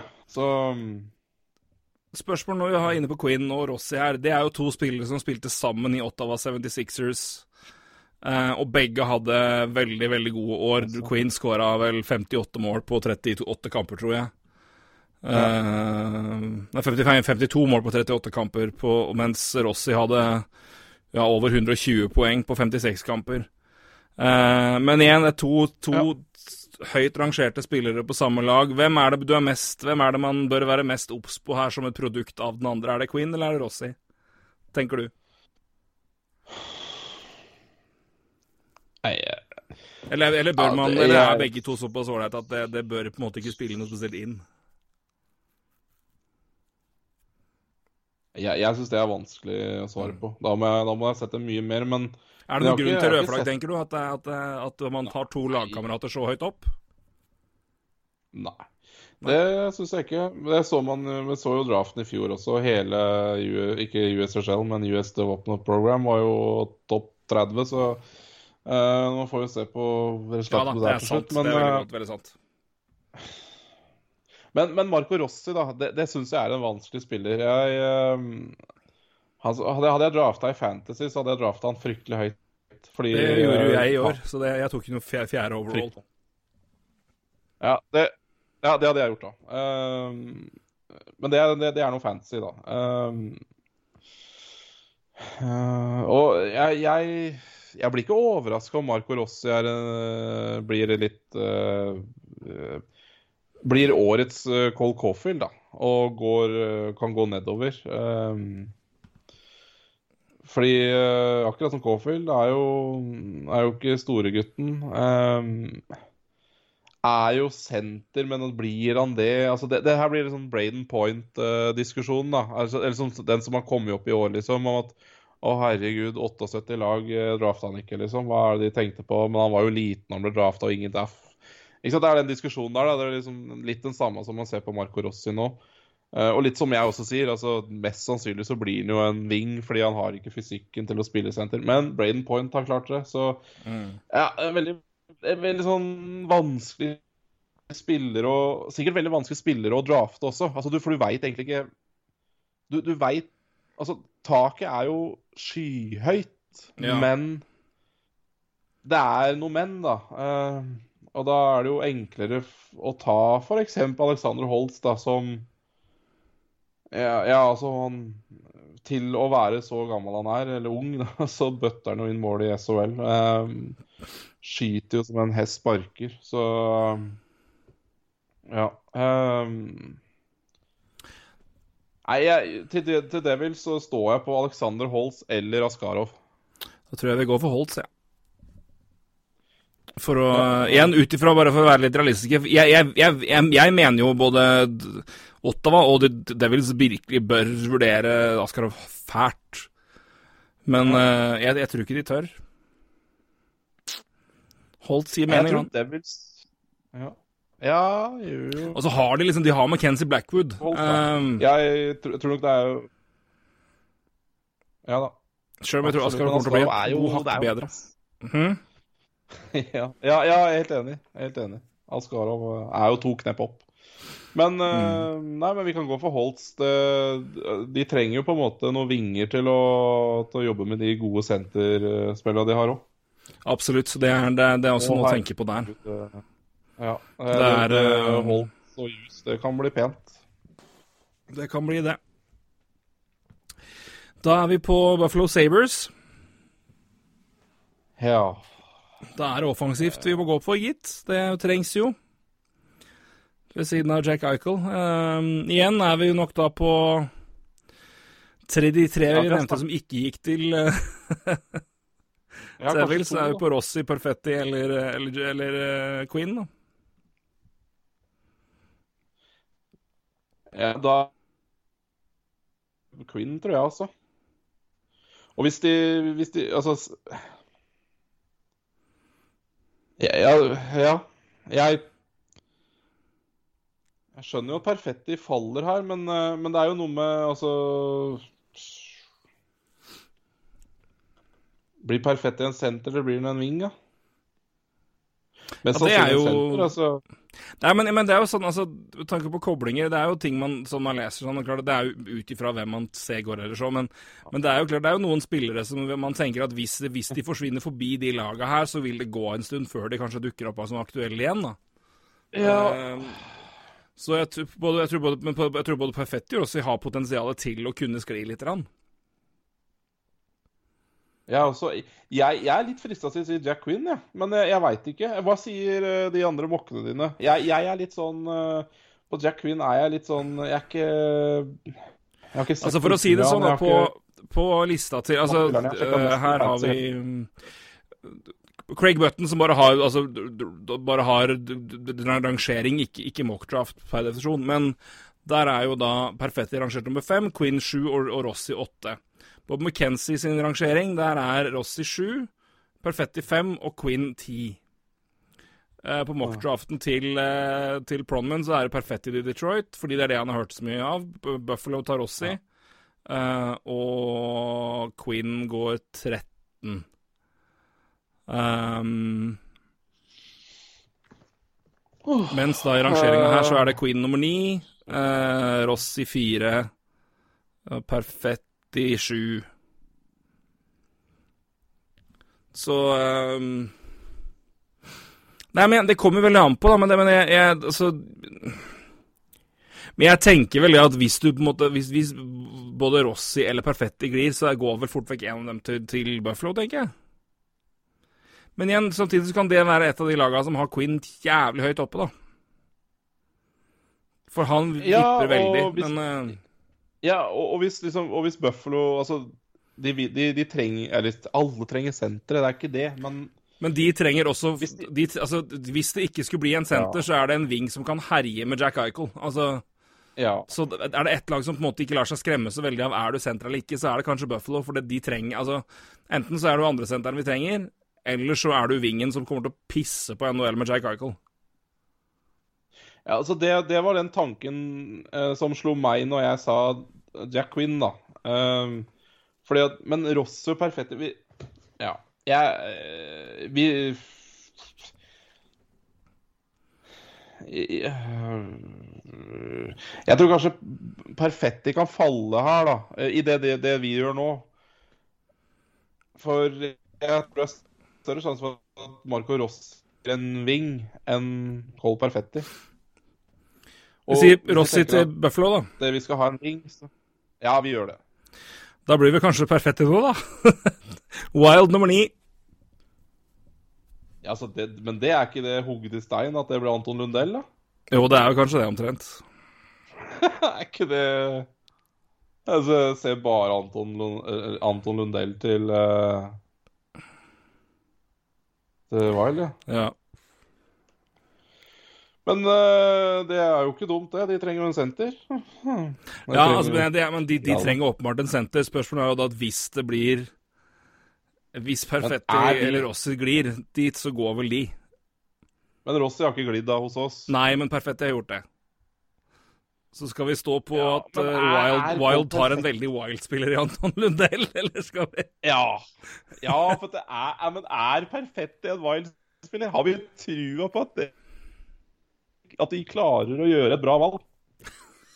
Nei da, Anton Lundell, eh, det blir en finfin spiller, det, altså. Men det Ja. ja Men det altså, blir en veldig Wild-senter, ja, jeg er helt enig med deg. Solid, Ja, det, det er jo funda altså, fundamentalt veldig god. God begge veier. 60 poeng. Altså, det er det, er, det er ingen som kommer til å merke at Mikko Koivu har lagt opp engang. Det er jo samme spiller som kommer inn. ja, det er akkurat det jeg skulle til å si. Og det er helt fint. Ja, men det er jo det. Er jo det. Og, og Anton Lundell eh, u, Altså Ja, I så fall kommer Winnerpick Jets til å danse jenka, altså, hvis, hvis, hvis det her skjer og Lundell går der. For da er jo Perfetti glatt ledig der. Nei, vet du Ja, hva, jeg er enig med deg. Vi, for, å, for å fullføre vår nye gimmick på at Wild gjør Wild ting, så ja, da Ja. går Anton Lundell til Wild, og Perfetti går til. Jets. Er vi enige da? Ja, jeg er helt enig! ass. Jeg, det, er, det er ingen scenario i hele verden jeg ser at Perfetti går til Wild. Det er jo det, det går ikke, det. Du må være i hvert fall 1,90 skal du bli drafta av Wild. Jeg vet ikke hvor høy Lundell er, men eh, Ja, han er i hvert fall ikke få- 1,70. Ja.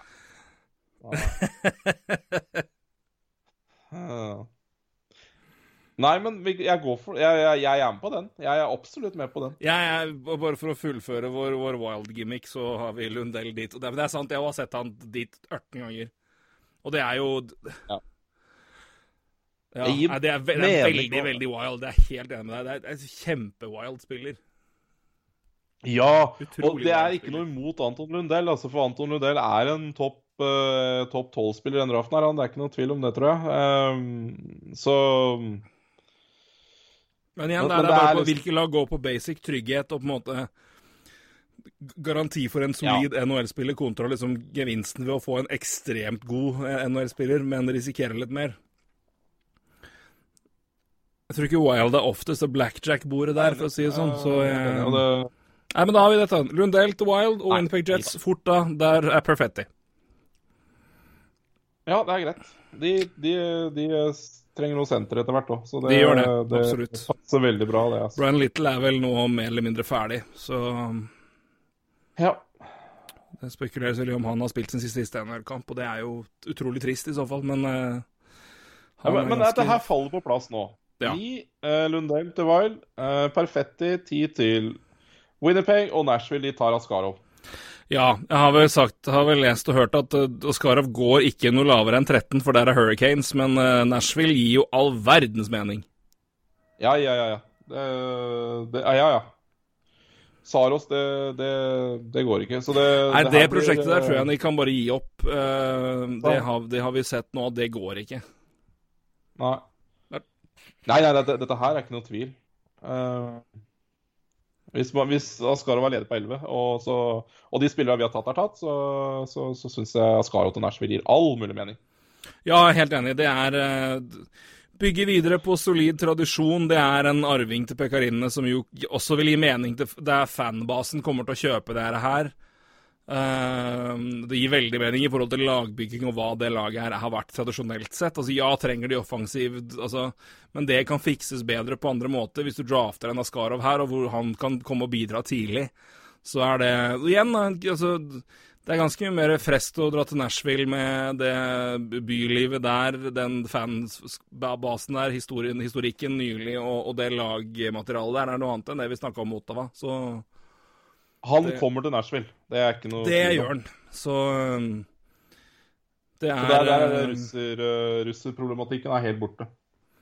Nei, men det, det, da hadde jeg, hadde jeg vært Nashville-fan her, så hadde det, det vært helt ypperlig. Det er, da har du arvingen klar. Du har keeperplassen forhåpentligvis sikra i 10-15 ja, 15 år. Um, og da har du òg Ja. uh, ryggraden i laget si, videreført i defensiv struktur og et solid keeperspill, forhåpentligvis. Og da kan du mm. da fortsette å begynne å jobbe med å se hva gjør du offensivt, for det er der, uh, det er der utfordringen er. Men uh, har du muligheten til å fortsette å beholde det som har vært styrken din i så lang tid, så gjør du det. det mm. Gevinsten der er betydelig større enn det noen annen kan, kan gjøre her, tror jeg. Så det er Ja, jeg er enig. Yep. Så ja, utover da Jack Quinn, så er vi liksom For han kan vi nevnt noen ganger, og det, han kan være litt her og der, men da er vi på en måte nærmere oss eh, neste rekke da, av eh, talent her. Når vi har kommet til 11. Ja. 11-12 er vel kanskje der det brekker av. Um, ja. Hadde, jeg vært Panthers, eh, hadde det vært en god back her nå, så hadde Panthers vært veldig fornøyd. Det er det ikke. I hvert fall ikke opplagt. Ja, det er for så vidt det, men uh, hva sa du for noe, Roy?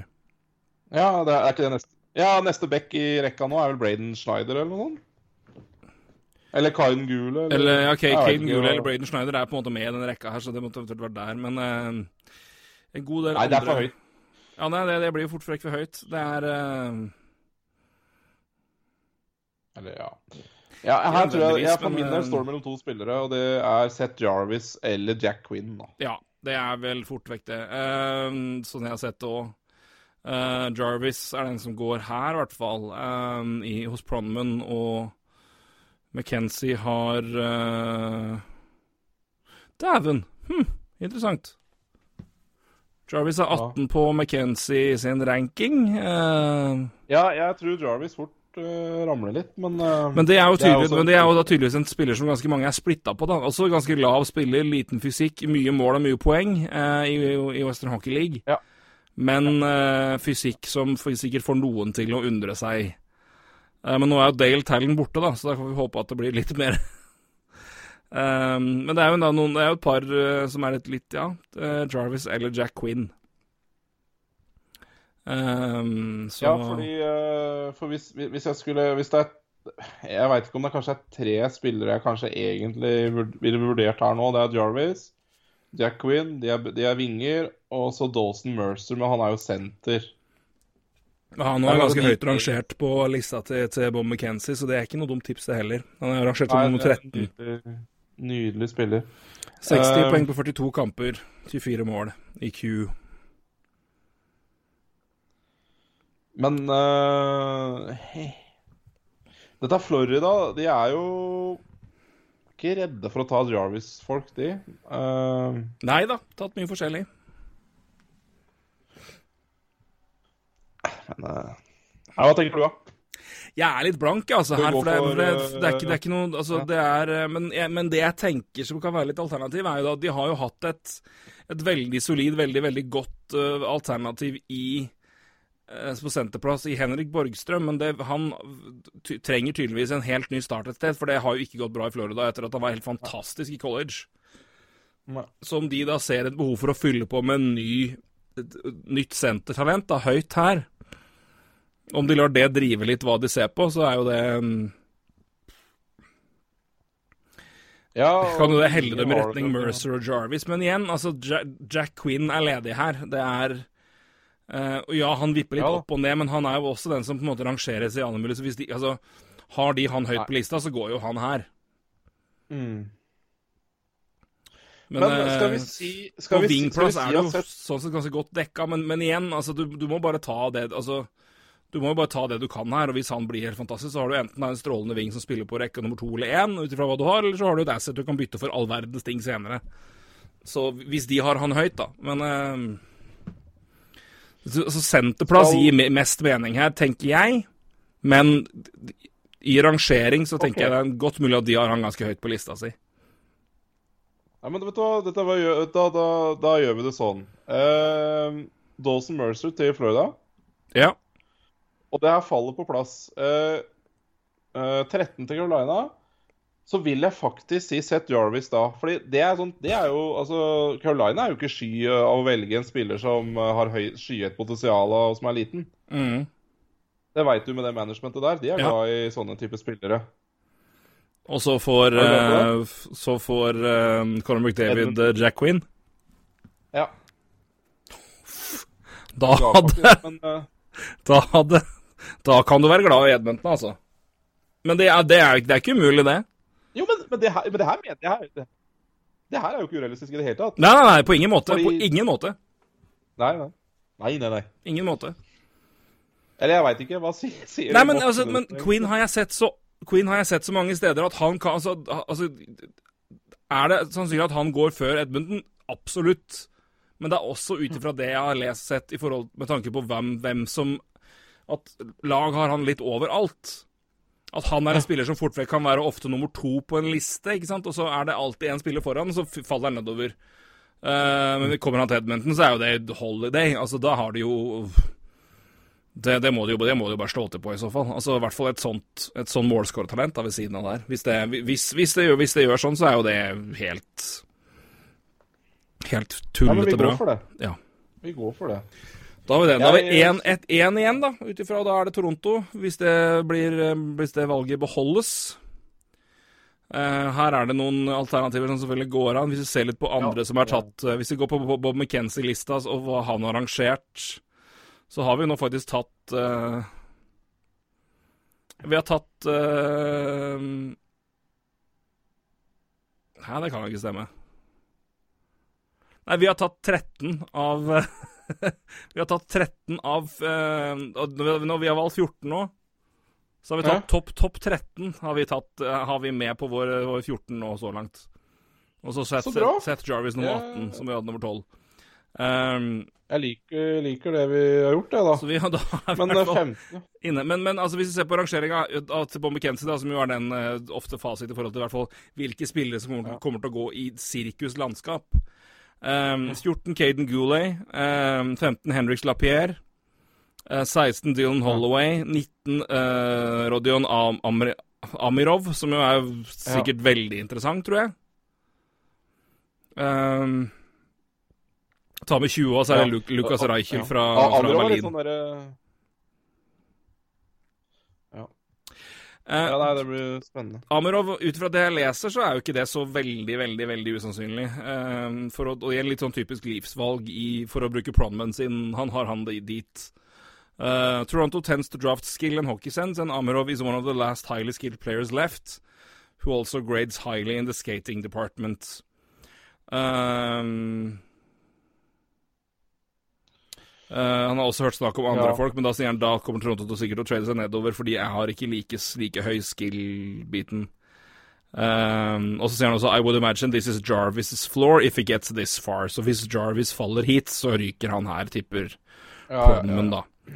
Men han har jo også f.eks. Dylan Holloway til Oilers, eksempel. Uh, også Caden Gooley, da, som går neste der. Så vi er, altså, vi er nok i landskapet på at uh, de neste som Altså, Jarvis, Quinn, Holloway, Amirov, Goulet, Mercer og Tamer Schneider òg, da. Og, og, og La Pierre er nok de som da går etter Ja, et, etter de elleve første, da, med Askarov der. At det er, liksom, det er litt i landskapet der. Men uh, Hvor er Maverick Bork her, da? Uh, Bork er ganske seint, faktisk. Oh. Men han også er jo sånn. Men det er også det igjen det veldig sånn mm. Noen har den høyt, noen har det ikke. Hva er det? Bork til uh, Vegas i pronomen sin. 29. Åh, oh, det er jo ran, men det er jo det Vegas driver med, så det er jo greit. Men, men eh, ja, nei, men igjen, det, det er også, jeg, har også sett han til, til, Flyers, eksempel, på 23. Jeg har sett, altså, så det er mye Så det det er mange alternativer der, men uh, Det er jo en fyr som da er Altså, han er like 5-10, 1,78 og hadde 71 poeng på 49 kamper, så det er jo en, også en ganske Fysikken er problemet her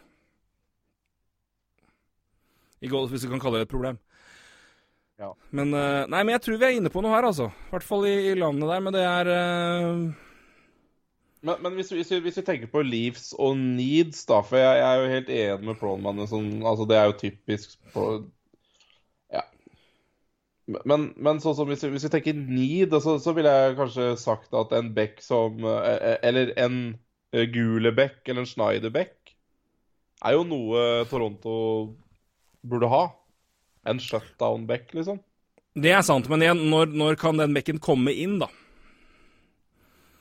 Ja, Schneider går vel rundt 15-20, gjør han ikke det? Jo, jo, men jeg tenker, men hvor, hva, hvor lang nei, tid før de er NHL-klare, tenker jeg? Det unnskyld, det var dårlig formulert. Når, oh, ja, når blir ja, de nei, men, ja, Med tanke på at Amirov ja, er et type som da Amirov, Jarvis eller Altså, de andre, de kan, kan komme inn og være, levere på en tredjerekke, f.eks. tidligere, da. Og så kan de Altså, det er vel kanskje det man ser på der. Hvis, hvis, hvis jeg kan tenke, tenke litt Toronto-prioriteringer her nå, så er jo det ofte at Altså, jeg, tror, jeg er helt enig med deg at det er ikke dumt for dem på noen som helst måte å få eh, solide defensive eh, backer inn i systemet som kan ta minutter, Nei, spille penalty kill og, og levere og, og, og, gjøre det på entry level deals eller, eller lave bridge deals, da. Nei, og det går jo potensielt veldig fort, for det, fordi disse, altså både Schneider og Gula er jo betongklumper. Altså det er jo to år, så jo de, kan jo de spille ennå, eller? Ja, man får jo håpe det. Amiro så... tror jeg Amro eh, blir jeg, jeg, altså, Amro kan gå 15, men han kan også bli en sånn Kostin som faller til 30, altså. Mm. Ja, det er sant, det. Uh, men skal du være nei, For vår del, da, for å bare være ekstra ekstra sånn uh, slå oss på Bob McKenzie-kassa Hvis, hvis du tar Caden Gooley til, til, Toronto på 15, så har vi topp 14 innenfor vår 15. Hvor, hvor, men hvor er, hvor er Bob McKenzie Schneider, da? Eh, 17. Gooley 14, Lapierre 15, Holloway 17, Schneider, Schneider 17. Jarvis 18, Amirov 19. Ja. Jeg liker ja, ja, jeg skal ikke, jeg skal ikke Ta, vi, tar vi Schneider, da. Hvis du, hvis du, liker han bedre enn Skal vi gjøre det? Ja, jeg liker han eh, sånn Veldig ja. ikke ja, nei, jeg skal ikke si noe, men jeg tenkte på Det var veldig det, det, Ja, jeg er enig i at det er det, stink, det stinker jo litt Det stinker ikke um, Å, herregud, nå står det så veldig helt stille her. Det stinker jo ikke Kyle Lubus av Brendan Schneider, men igjen Men gjør det da gule, da? Nei, ikke, ingen av dem, egentlig. Nei, jeg, jeg, jeg veit det, men, men, ikke sant jeg skjønner hva du mener, men jeg, jeg tror vel òg det at men, men, er det én draft de gjør det, så er det vel nå etter, etter å, for å fylle opp fylle opp Nei, der, da. Ja. Eller igjen, samtidig så er det nå at nå har de sendt ut Kappan. De prøver å tømme ut resten for å, få min, for å ta vekk lønn og, og, ha en situasjon hvor de må fylle på med ung dybde uh, for å ha, ha, penger defensivt òg. Så sånn sett sier jo det Du kan argumentere begge veier her, men uh, Ja, men liksom Nei, vi kjører, nei, vi kjører Braden Schneider for moro skyld. Jeg, jeg, jeg liker tanken din. Må gamble litt. grann. Det hadde vært kjempegøy hvis de ja. hadde det. Men det er bare noe med reaksjonen og hvis Soronto nå får ja, det valget der, velger å beholde det og bruker det på en betongbekk. Det hadde vært kjempegøy. Jeg er enig i at det er så jævla usexy som det går an. Men, men det er jo kanskje altså, akkurat det de trenger òg, da. Men det, bare, det hadde vært så gøy. ja, men det, ja, ikke sant. Jeg sier ikke at det hadde vært dårlig valg i det hele tatt, det, bare, det hadde vært veldig, veldig moro. Nei, det er jo viktig å si at uh, altså Bob McGenzie han vel nummer Var det 14? Nei, 17? 17, ja. Altså, han er jo det landskapet der. Guli er 14, er så det er, det er jo, det er jo bekker som er det er, det, er, altså, det er bra bekker her, så, men det er jo ikke, men det er ikke bekker som forventes å bøtte inn veldig, veldig mye. Men Det er jo, så usexy at hvis du velger det her, så går det jo rett i Rett i kjelleren. Ja, men det er jo sånn det har blitt, da. Vi vil jo bare offensive spillere, offensive typer, ikke sant? At uh, velges laget ditt en sånn der uh, betongklump, så altså er det jo Du går jo ja, det er rett i kjelleren i flere uker etterpå. Ja, nei, det er um... Og du veit jo hva som venter med sånne spillere. Det er jo De fire første åra så er det jo åtte hjernerystelser og fire knekte bein, så det er jo Eller hofter, eller hva det er for noe. Så det er jo er jo blytungt med Sebekka der. Men uh, sånn er det. Ja, nei, men vi, vi tar den på trass. Da... Jeg syns dette her var jævla moro. Uh, det var det. det. Men det er artig, jo, men, jeg, det, men, det er en, men jeg, merker, jeg merker at det er en, det er en draft. Det, vi merker det jo fordi vi vi har sett mindre, vi hører mindre. Det altså, men det er, sånn, det er, det er vanskelig, for det er, ganske åpent her. Og det er, og det er veldig ja. mye og det, det er overvekt av offensive spillere. Det er offensiv draft, så det ljomer. Så det er det er flere tilfeller hvor sånn Ja, hadde det vært en back her som hadde vært i dette landskap, så hadde jeg antakeligvis sendt den hit, men de trenger vel en senter, og gjør de ikke det? Ja, OK, vi har tre alternativer. Mm. Så Nei da, men jeg liker den. For å oppsummere, da. Ta var det hadde vi Lafreniere til Rangers, Stoltz til Kings, Byfield til Senators, um, Sanderson til Detroit. Uh, det også var tøft. Uh, Lucas, Lucas, Raymond til, uh, til Sanders på nummer fem. nummer ja. seks Ducks, Jamie Drysdale. Ja. sju, det var Devils Alexander Holtz, var det ikke det? Ja. Åtte, det var Buffalo Marco Rossi. Ja. Ni, Anton Lundell til Wild. ja, det er ikke noe å tenke på. det er Ti, Perfetti til, til, til Jets. Elleve, uh, Askarov til, uh, til uh, Nashville. Askarov. Ja. Eller Askarov. Mm. Ja, Askarov er de mer riktig uttale, det er helt riktig. Um, og så hadde vi da um, Det ble Hadde du Dawson Mercer først, ikke sant? Til, til, til, ja. til Florida. Ja, uh, Seth Jarvis til uh, Carolina, og så Jack Quinn til Edmonton. Ja.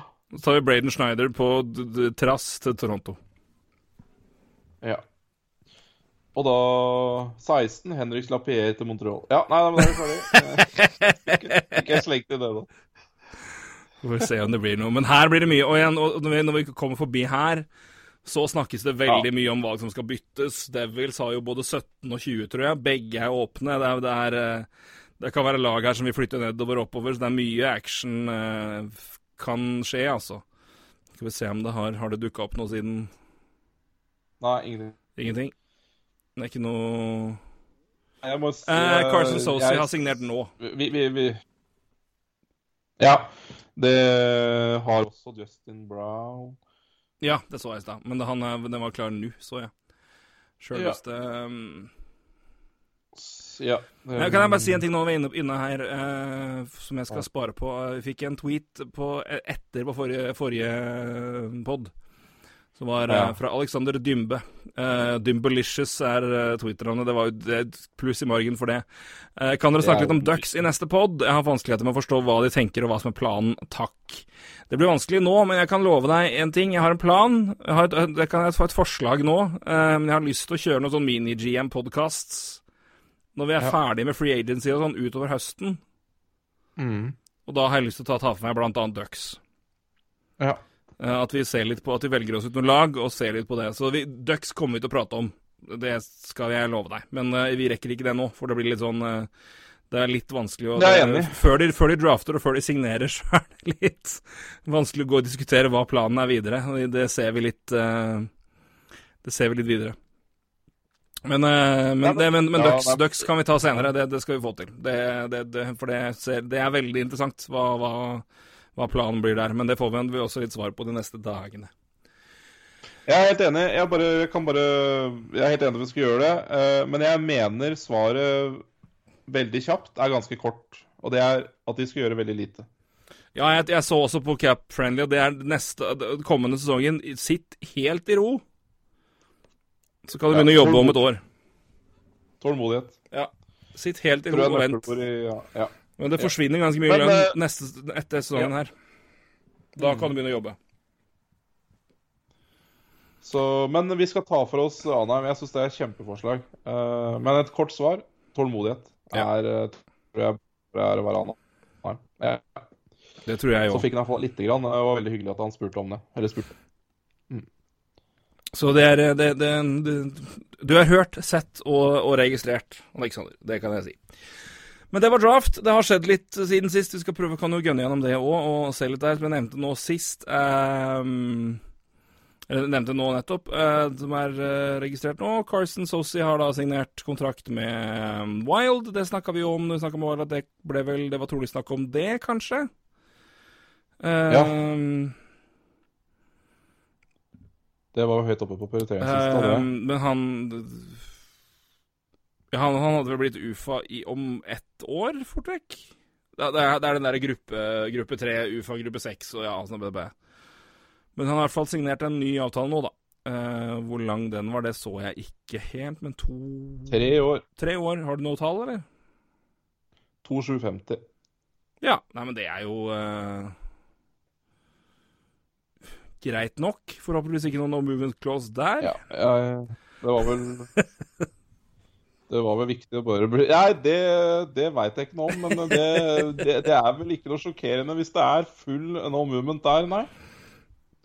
Et, et annet lag jeg kom på, i, i, apropos vår, din rant på no movement-ting, og, og, det leverer du ut.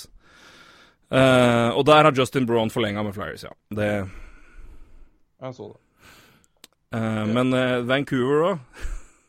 Der er det også noen klausuler ja. ute og går. ja, det. Er jo, det, er jo, bare å sette seg i rottefella, det. Det er jo Ja, det er det. Ja, de har noen, men det er iallfall noe trade, da. Ja, da, ja, men de har to no, men de har, de har Michael Furlan på no movement clause. Som jo er interessant. Og den er fæl, og den er fæl. ja. Så det, det, det, er flere lag enn en, en det. Um, ja, nei, men nevnte den, nevnte den og greit nok. Nå, og Justin Braun forlenga for eh, jeg tror det var ett år 1,8 millioner. og Det kom jo da etter at det nå ble offentliggjort rett før vi begynte, at uh, Matt Nisken, uh, ett år igjen på sin avtale til 5-7-50 millioner dollar, og hadde akkurat det igjen å få betalt. Han har mm. valgt å legge opp. Respekt. Det er jo uh, Ja, det er respekt. Da, du, da kjenner du på vel både lyst og form og det som er, tipper jeg. To år, faktisk. Justin ja. Brown. 1,8 ja. ja, det er veldig bra. Det er jo en del billigere enn det forrige, er det ikke det? Jo, det tror jeg. Ja, det er jo det er virkelig. Han hadde jo 3,8. Ja, ja, 3,8. Det er jo to millioner Ja, det tar jeg. Glatt! Ho, ho. Ja, ja, Lett. 1,8 Det er ingenting. Nei, det er ingenting. Det er jo han som uh, på tredje par, de, det og, og, og penalty killing, ja. For det var også en ting at nå var det i hvert fall veldig Det var aktuelt å beholde han for å ikke miste to bekker på penalty kill eh, fra i fjor. Som jo jeg skjønner godt. Det, det er uh... Ja, men det er bra. Men det åpner seg også for Flyers, da. Det gjør det. Det åpner, del, eh, det åpner, muligheten for å langtidssignere Phil Myers om du bestemmer deg for det. Eller så åpner det muligheten for å få inn en stopgap. Uh, og gå på neste år, eventuelt. Men det er jo nok av bekker nå, da. Det er plutselig det er jo en haug med bekker. Uh, som er uh, høyrefatta bekker, som jo kan gå inn og ta den plassen der. Mm. Um, Nei, men det er, det er, mye. Det kommer til å være mye Flyers-snakk. Eh, og det er jo det med tanke på Han blir, blir veldig kobla til linene, men det er jo, de har jo Det er fordi de er jo et av lagene som har åpenbart har midler, og vi snakka om det i forrige podkast, de har jo åpenbart spillere og prospects til å kunne gjennomføre den traden, hvis de vil det. Ja. Så er spørsmålet om de bør den, det. Altså, det er det jo med Line. Det er jo bør du det. Uh, så.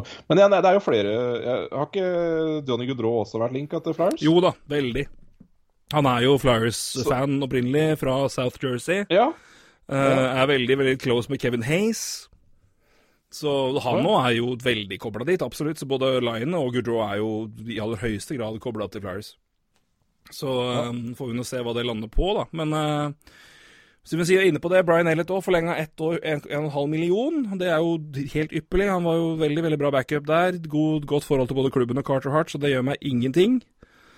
Da Nei, Jack Johnson kjøpte ut, da. Ja. Eller kjøpte i morgen. Nå kan jeg bare holde det to sekunder til på Philly, for det, det er to par ting som er ja. interessant her framover. For flere lag, apropos tilgjengelighet. Det er flere backer som er tilgjengelige Uh, selvfølgelig på, på, markedet. Det er jo veldig backtungt. Det er jo ytterst få gode forwards. Så det blir jo altså veldig spennende å se hva som skjer med Taylor Hall, som jo nå har sagt at han kan vurdere ett til to års kontrakt, korttidskontrakt, og er jo egentlig åpne for alle lag så lenge de møter det han anser som sine krav. Uh, men, uh, men, på det markedet òg, Shane Gossesbear bør jo være litt interessant å følge om de, hva som skjer der, for han har jo nå nå er jo Ja, nå er Braun forlenga, Robert Hegg har forlenga eh, med to år. Eh, Provorov, Sandheim og Myers er jo bankers inne så lenge de er der. og Da må du jo erstatte Niskan. Det skjer ikke med Gossespear, så han er jo da sjuende mann. Og eh, det må jo være noe nei, der som er interessant. Altså, han kommer jo ikke til å bli dyr, Han kommer ikke til å bli dyr, men det må jo være, det må da være noe marked for han, kanskje, hvis, hvis de bestemmer seg for at det er aktuelt? Ja, Han er nok ikke, noe, er ikke alle treneres drøm, tror jeg. Men, uh, På ingen måte, men det, det, er jo Altså, noe er jo der, så Men det er jo ja. Så det er, det er egentlig mest interessert i Nei, jeg, jeg, på nå, ikke, utover. Jeg, jeg, han burde jo helt klart være interessant for mange, så Eh, men igjen, det, det, er, det, er, så mange Flyers som er interessante for mange. Uh, vi snakka om det rett før podkasten. Jeg, uh, jeg, når jeg ser på dette Flyers-laget, så, så, så, så, må det være greit å være GM, tenker jeg. Du har nok av assets å starte en samtale med en annen tradepartner, for å si det mildt. og de kan gjøre alt. ikke sant? De, ja, og du har også nok til at du, hvis du bestemmer deg for å gjøre f.eks. en Goodrow eller Liner trade, da, så er det sånn at du, du tømmer ikke laget sjøl om, om, det kommer til å koste litt, da.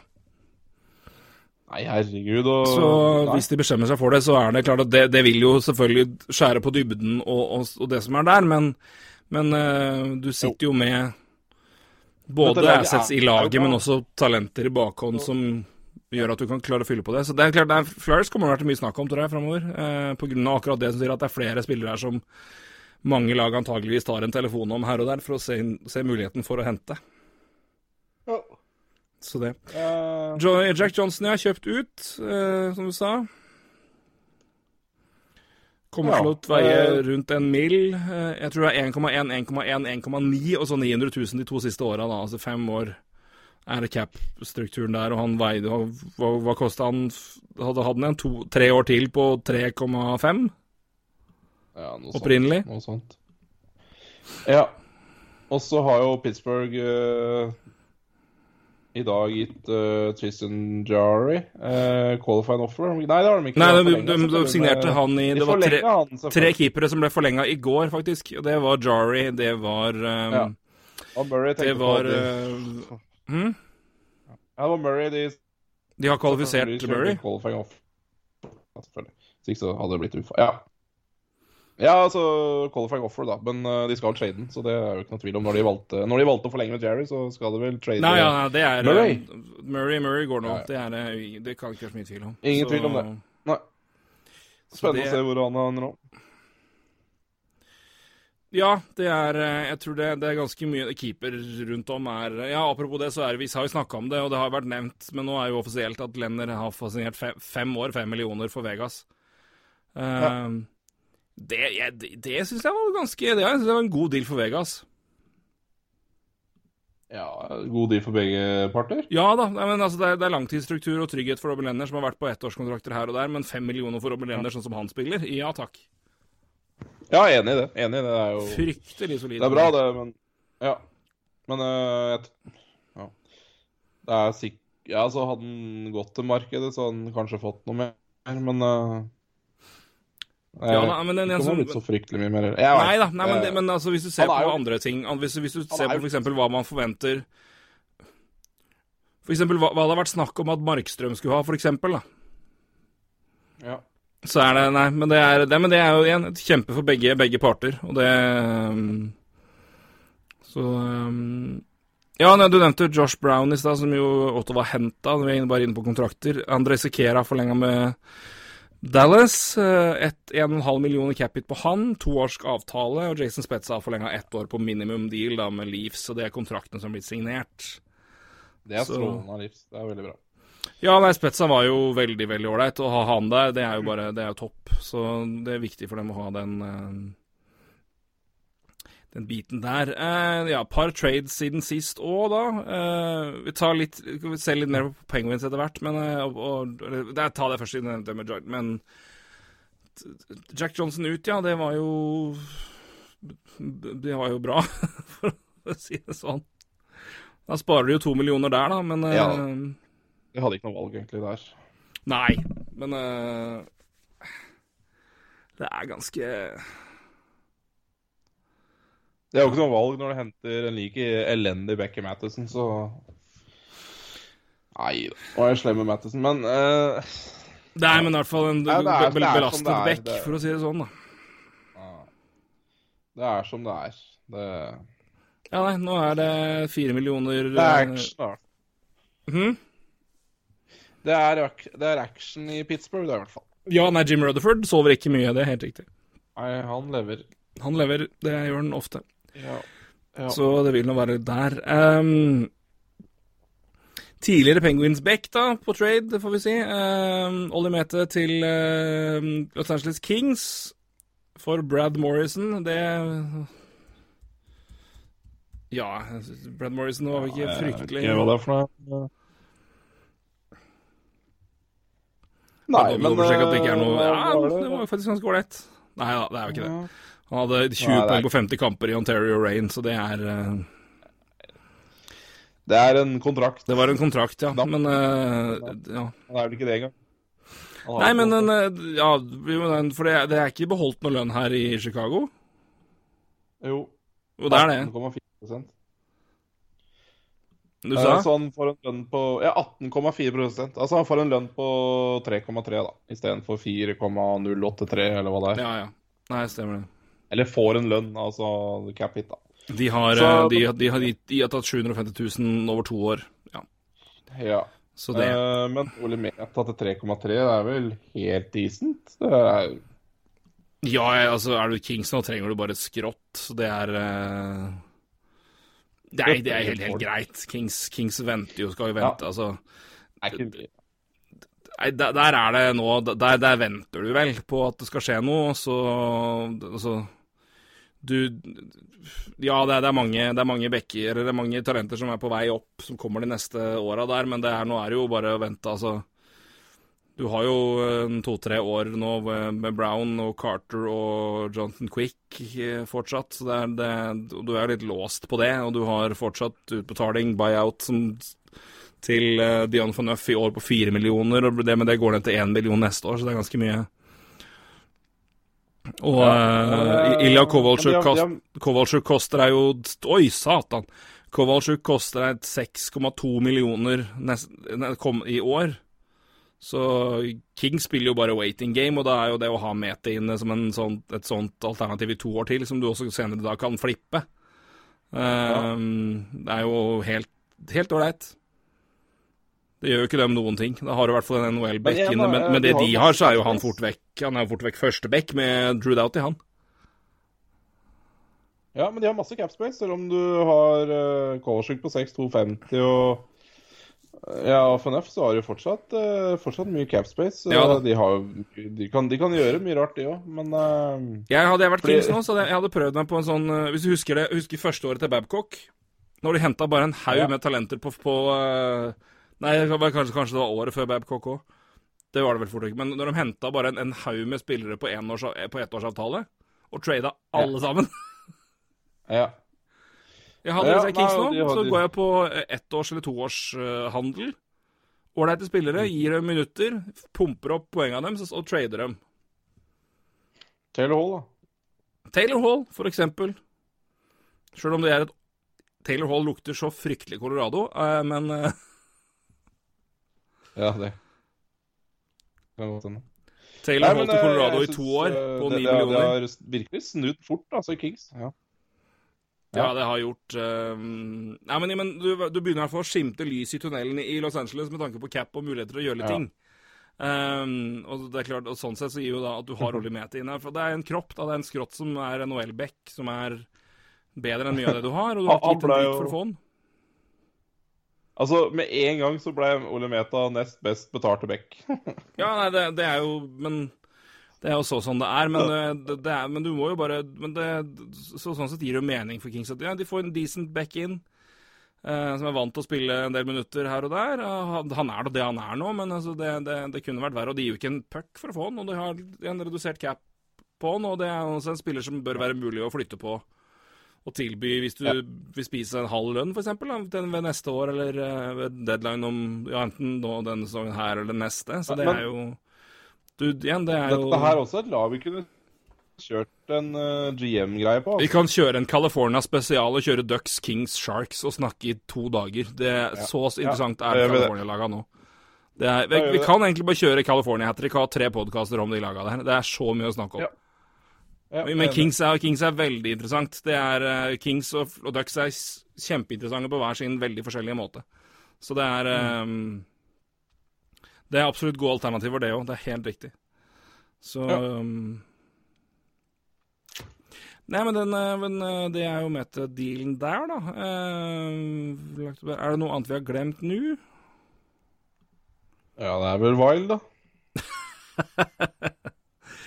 ja, med signeringer av Nei, Ryan Donato. Ja, Ryan, Ryan Donato. Ja, ja, nei, ja, det, det, ja, vi snakka jo kun om det i forkant, men Donato til, til Sharks for tredjerundevalg neste år. Uh,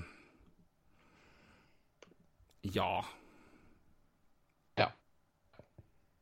Ja, det, det Fikk de i hvert fall noe for den, da? Um, jeg vet ikke. Uh, ja, de gjorde jo det. Og det er jo Vile har jo en del vinger, da, så ja, og jeg veit ikke. Eh, Donato har kanskje ikke helt Han har kanskje ikke helt passa 100 inn. Uh, han var jo fryktelig god eh, først når, når, han kom med en gang. Da bøtte han jo inn poeng. Ja, han, han, hadde jo, han hadde jo Fiala-form i fjor. Altså, for jeg fikk i fjor, altså, i 18-19. Med den core-traden. Da kom jo han inn og var i storslag. Så det var jo en, et, et, kjempetrade sånn sett. Men han var jo slukna helt i år og klarte ikke å levere noen ting. Og da er det jo Ja. Så det er vanskelig, men om det var et timing, tidspunkt, hva som er. Men uh, jeg synes det er ganske interessant, da. At ved, med alt som skal hentes og gjøres og bør ordnes i den klubben her, så har de valgt nå å, hente, å fylle opp to millioner mer capspace på en wing når de fortsatt skal signere Kevin LaManc på en avtale jeg antar Det er også ganske interessant hva Der kan det fort være litt agentklaging, for jeg, mm, jeg garanterer at Sharks har kommet med en lovnad til Kevin LaBank etter det han, leverte, det han gjorde i fjor, ved å ta det den ene året på én million. Og at han skulle, det skulle bli godsett i år, gutt, og så kommer både covid og hans dårlige sesong. Ja, men han har i hvert fall Han er jo RFA med arbitration-rettigheter, da. Så mm. han bør jo ikke stille noe svakt, egentlig. Uh, han, han, gjør jo egentlig Altså, den lovnaden Hvis LeBanc hadde levert i år, så kunne jo Sharks pakka sammen og ønska LeBanc god tur et annet sted. Fordi uh, med arbitration-rettigheten i år, så er det jo Uh, ja, med covid og sånn, så er det jo uh, Så er det jo omtrent ikke forhandlingsbart. Omtrent, ja. Så det men, Så han altså, hadde jo hatt gode kort i år uansett, da, med arbitration-rettigheter. Ja, ja, men, men, du skjønner jo at men, Eller du skjønner jo, men du er enig med meg at når han godtar én million i ett år, da er det snakka noe i forkant om hva den neste kontrakten kommer til å bli? Jeg er ikke så sikker, fordi han kan han, Altså igjen, da. Så han er jo RFA i år, altså med arbitration. Og da kan jo Hvis han hadde levert som faen i år, så er det jo opp til han, da. Å få, få godt betalt i år. Altså jeg, jeg, skjønner hva du Jeg skjønner hva du mener, men jeg veit ikke Altså, han er, Han har jo sikkert betta på seg sjøl, da. Om ett år så kan jeg uansett bare gå til arbitration eller uansett. Så hvis jeg leverer neste år, så får jeg jo de penga igjen, og kanskje mer til. Hvis jeg leverer bra neste sesong. Um, så, jeg, jeg veit ikke. Um, men jeg skjønner hva du mener. Men jeg, jeg syns jo det er veldig rart å mot en spiller du egentlig også bare kan trade, for han har jo ikke noe Selvfølgelig ikke noe protection eller noen ting. Så, så, så jeg, hadde, jeg, hadde, aldri Hvis jeg hadde vært spiller og agent uh, der, så hadde jeg aldri hørt på det som de sa i fjor heller. Hvis de sa OK, ta én million i år, da, så skal du få mer neste år. Jeg hadde jo ikke trodd på det. Da er, du jo ganske naiv, da. Nei, men, men det er jo tilfeller hvor, hvor, det har skjedd før. Altså, Det er jo PK Subban i Montreal. Jo da. Det, han tok jo den bridge-dealen for å hjelpe dem der, og så kom han tilbake. Ja, nei, ni millioner, ja, det var det vi ble enige om. Og fikk mm. han, han fikk jo ni millioner før mange bekker var på sju. Ja, da. så han sprengte jo litt taket der. Men det, det er også, jeg hørte jo på, på Elliot Friedman og Jeff Merrick prate om Elliot Friedman. Og han prater om det er flere tilfeller altså Man vet jo om at det har blitt gjort før. og så sier jo det er, men jeg, jeg, har aldri fått noen bekreftelse på det fra lag, men det er ett tilfelle hvor jeg er ganske sikker på at det er en spiller som har blitt gitt et løfte, hvor laget har brutt, brutt det løftet. Og ikke gitt den kontrakten de lova. Um, som en Nå gjør jeg det en tjeneste pga. cap og muligheter og lagstruktur, og da får jeg tilbake det senere. Ja. Men uh, han har jo aldri fått det bekrefta fra verken agent eller lag, da, selvfølgelig. Men, uh, men det forekommer jo. Men uh, Det blir, men, ja, men, det, men den arbitration-runden eller Kevin LaBanque-forhandlinga. den skal bli spennende å se. For det Men nå har de i hvert fall fått ja, inn Brian Donato, da. Så får vi se hvordan det går. Men, ja, det er sånn. Nei, men det er interessant. Uh, veldig. Uh, og det Man kan jo tenke uh, Ja.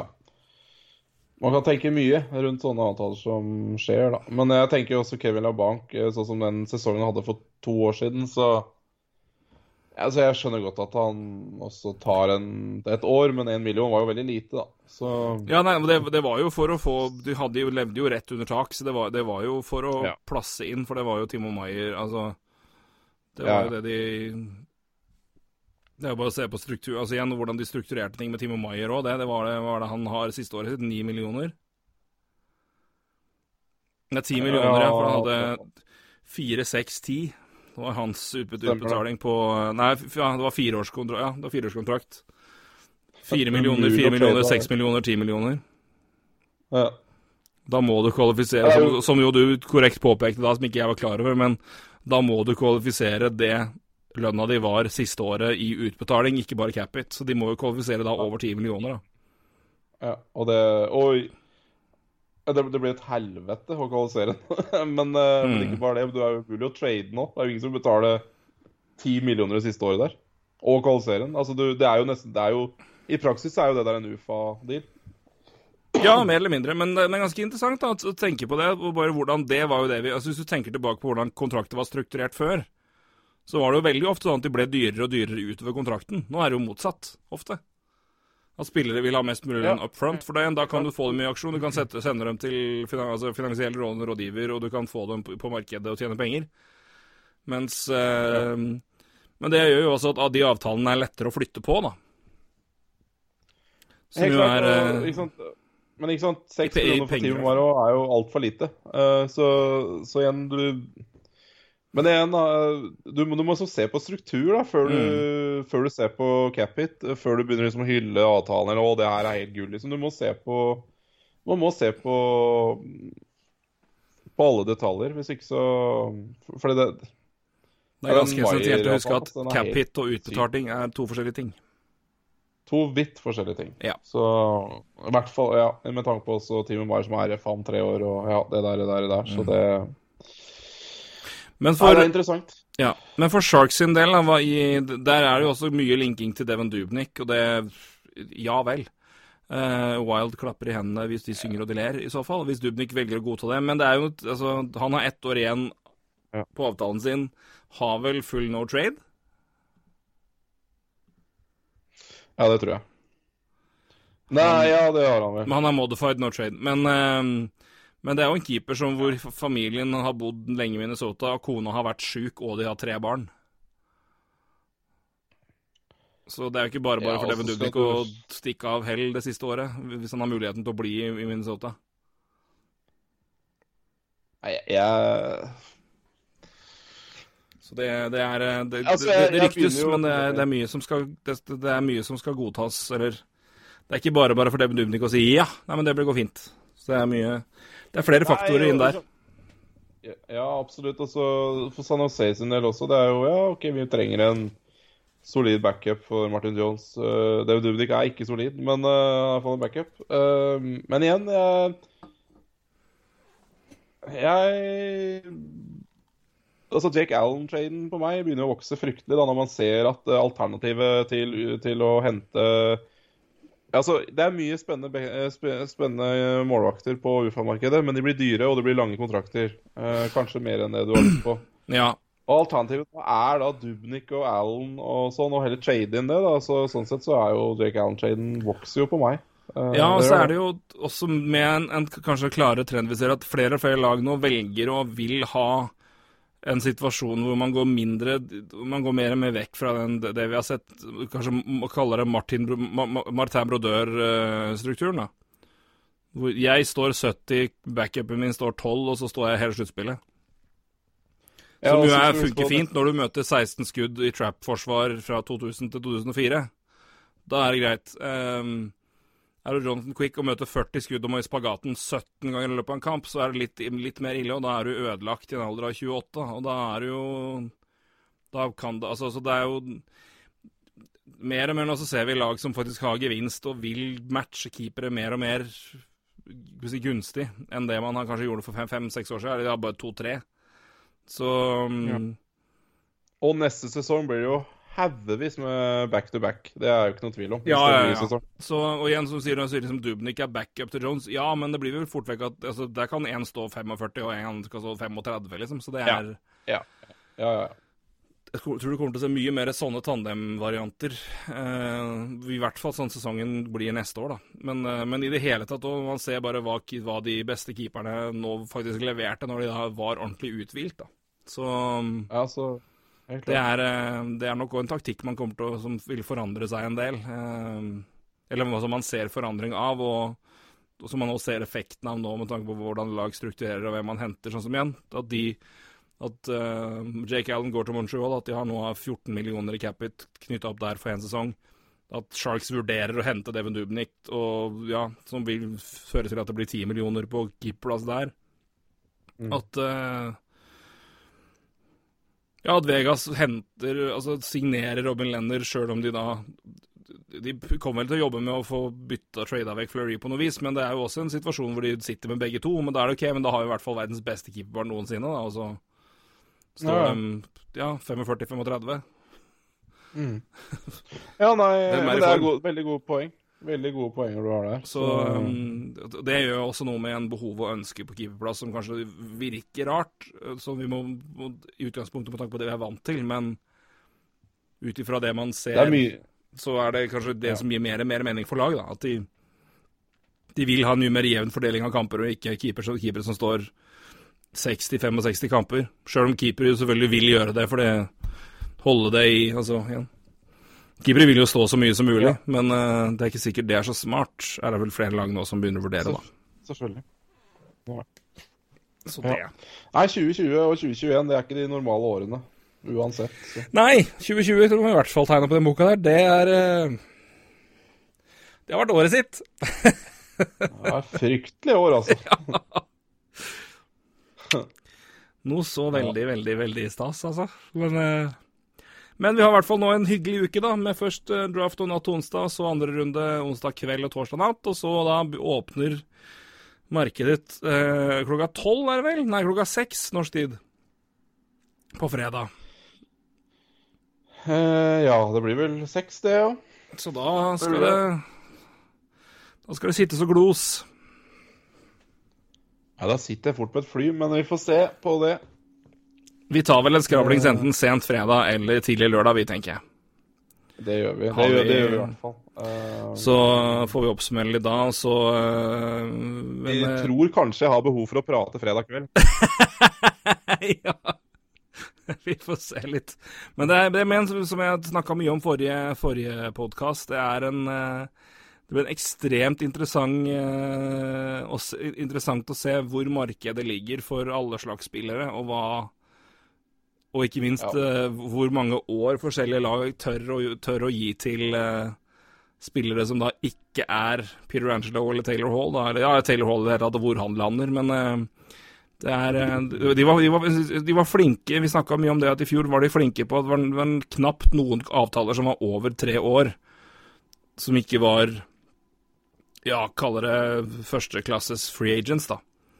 Utover uh, Brendan Lemieux, selvfølgelig, men uh, det får Men, uh, men det blir veldig, veldig spennende å se hvordan det, hvordan det funker nå på fredag. Og ikke minst spennende å se hva som skjer nå på de neste dagene nå med draftvalg, trades, forflytninger og det som er. Og det er, det er aktivt mange steder. Ja, det neste døgnet blir kjempespennende. Så Nei, vi har en spennende uke foran oss. Vi har det. Roy, det var som vanlig storveis å snakke her. Det var veldig gøy å prøve å komme på en liten draft-rekkefølge på, på, på, si sitt stående fot, men sittende ræv funker òg. Men øh, jeg syns da vi landa 15 ålreite spillere på plass, i hvert fall. Jeg syns øh, Vi har jo hatt noen sånne mockdrafter. Vi har sikkert hatt fem av dem òg siden uh, femte år her. Men øh, jeg syns det her var noe av det bedre vi har gjort, for det her var det var en sånn type draft, og jeg tror vi måtte gjøre det på den måten her. For det mm, Nei, det var veldig gøy. Det, var, det syns jeg var uh... Nei, det her det var kjempegøy, rett og slett. Storveis, vi håper dere hadde glede av det også, og ønsker, ønsker dere en eh, fortreffelig eh, Det De, de av dere som har mulighet og anledning til å se på det, eh, det er jo alltid stas. Selv om det nå plutselig havner i midten midtuka. Det er sikkert noen som kan forbanne seg over det, men for de av oss som kan se på, så kos dere masse. Håper deres lag gjør gode valg. Hvis ikke, så er det bare å ty til Twitter og klage til oss, så skal vi sikkert få med, no, få med noen reaksjoner der. Det hadde vært gøy. Og som sagt, eh, fredag åpner eh, markedet for free agency, og vi skal vel sikkert ha litt eh, snakkis utover kvelden der, eller tidlig lørdag morgen, men det heller vel mot kvelden, så vi får, vi får prøve å få til det. Ja, helt klart. Roy, takk for praten. Takk for praten. Snakkes vi. Det gjør vi. Hei. Nei, du.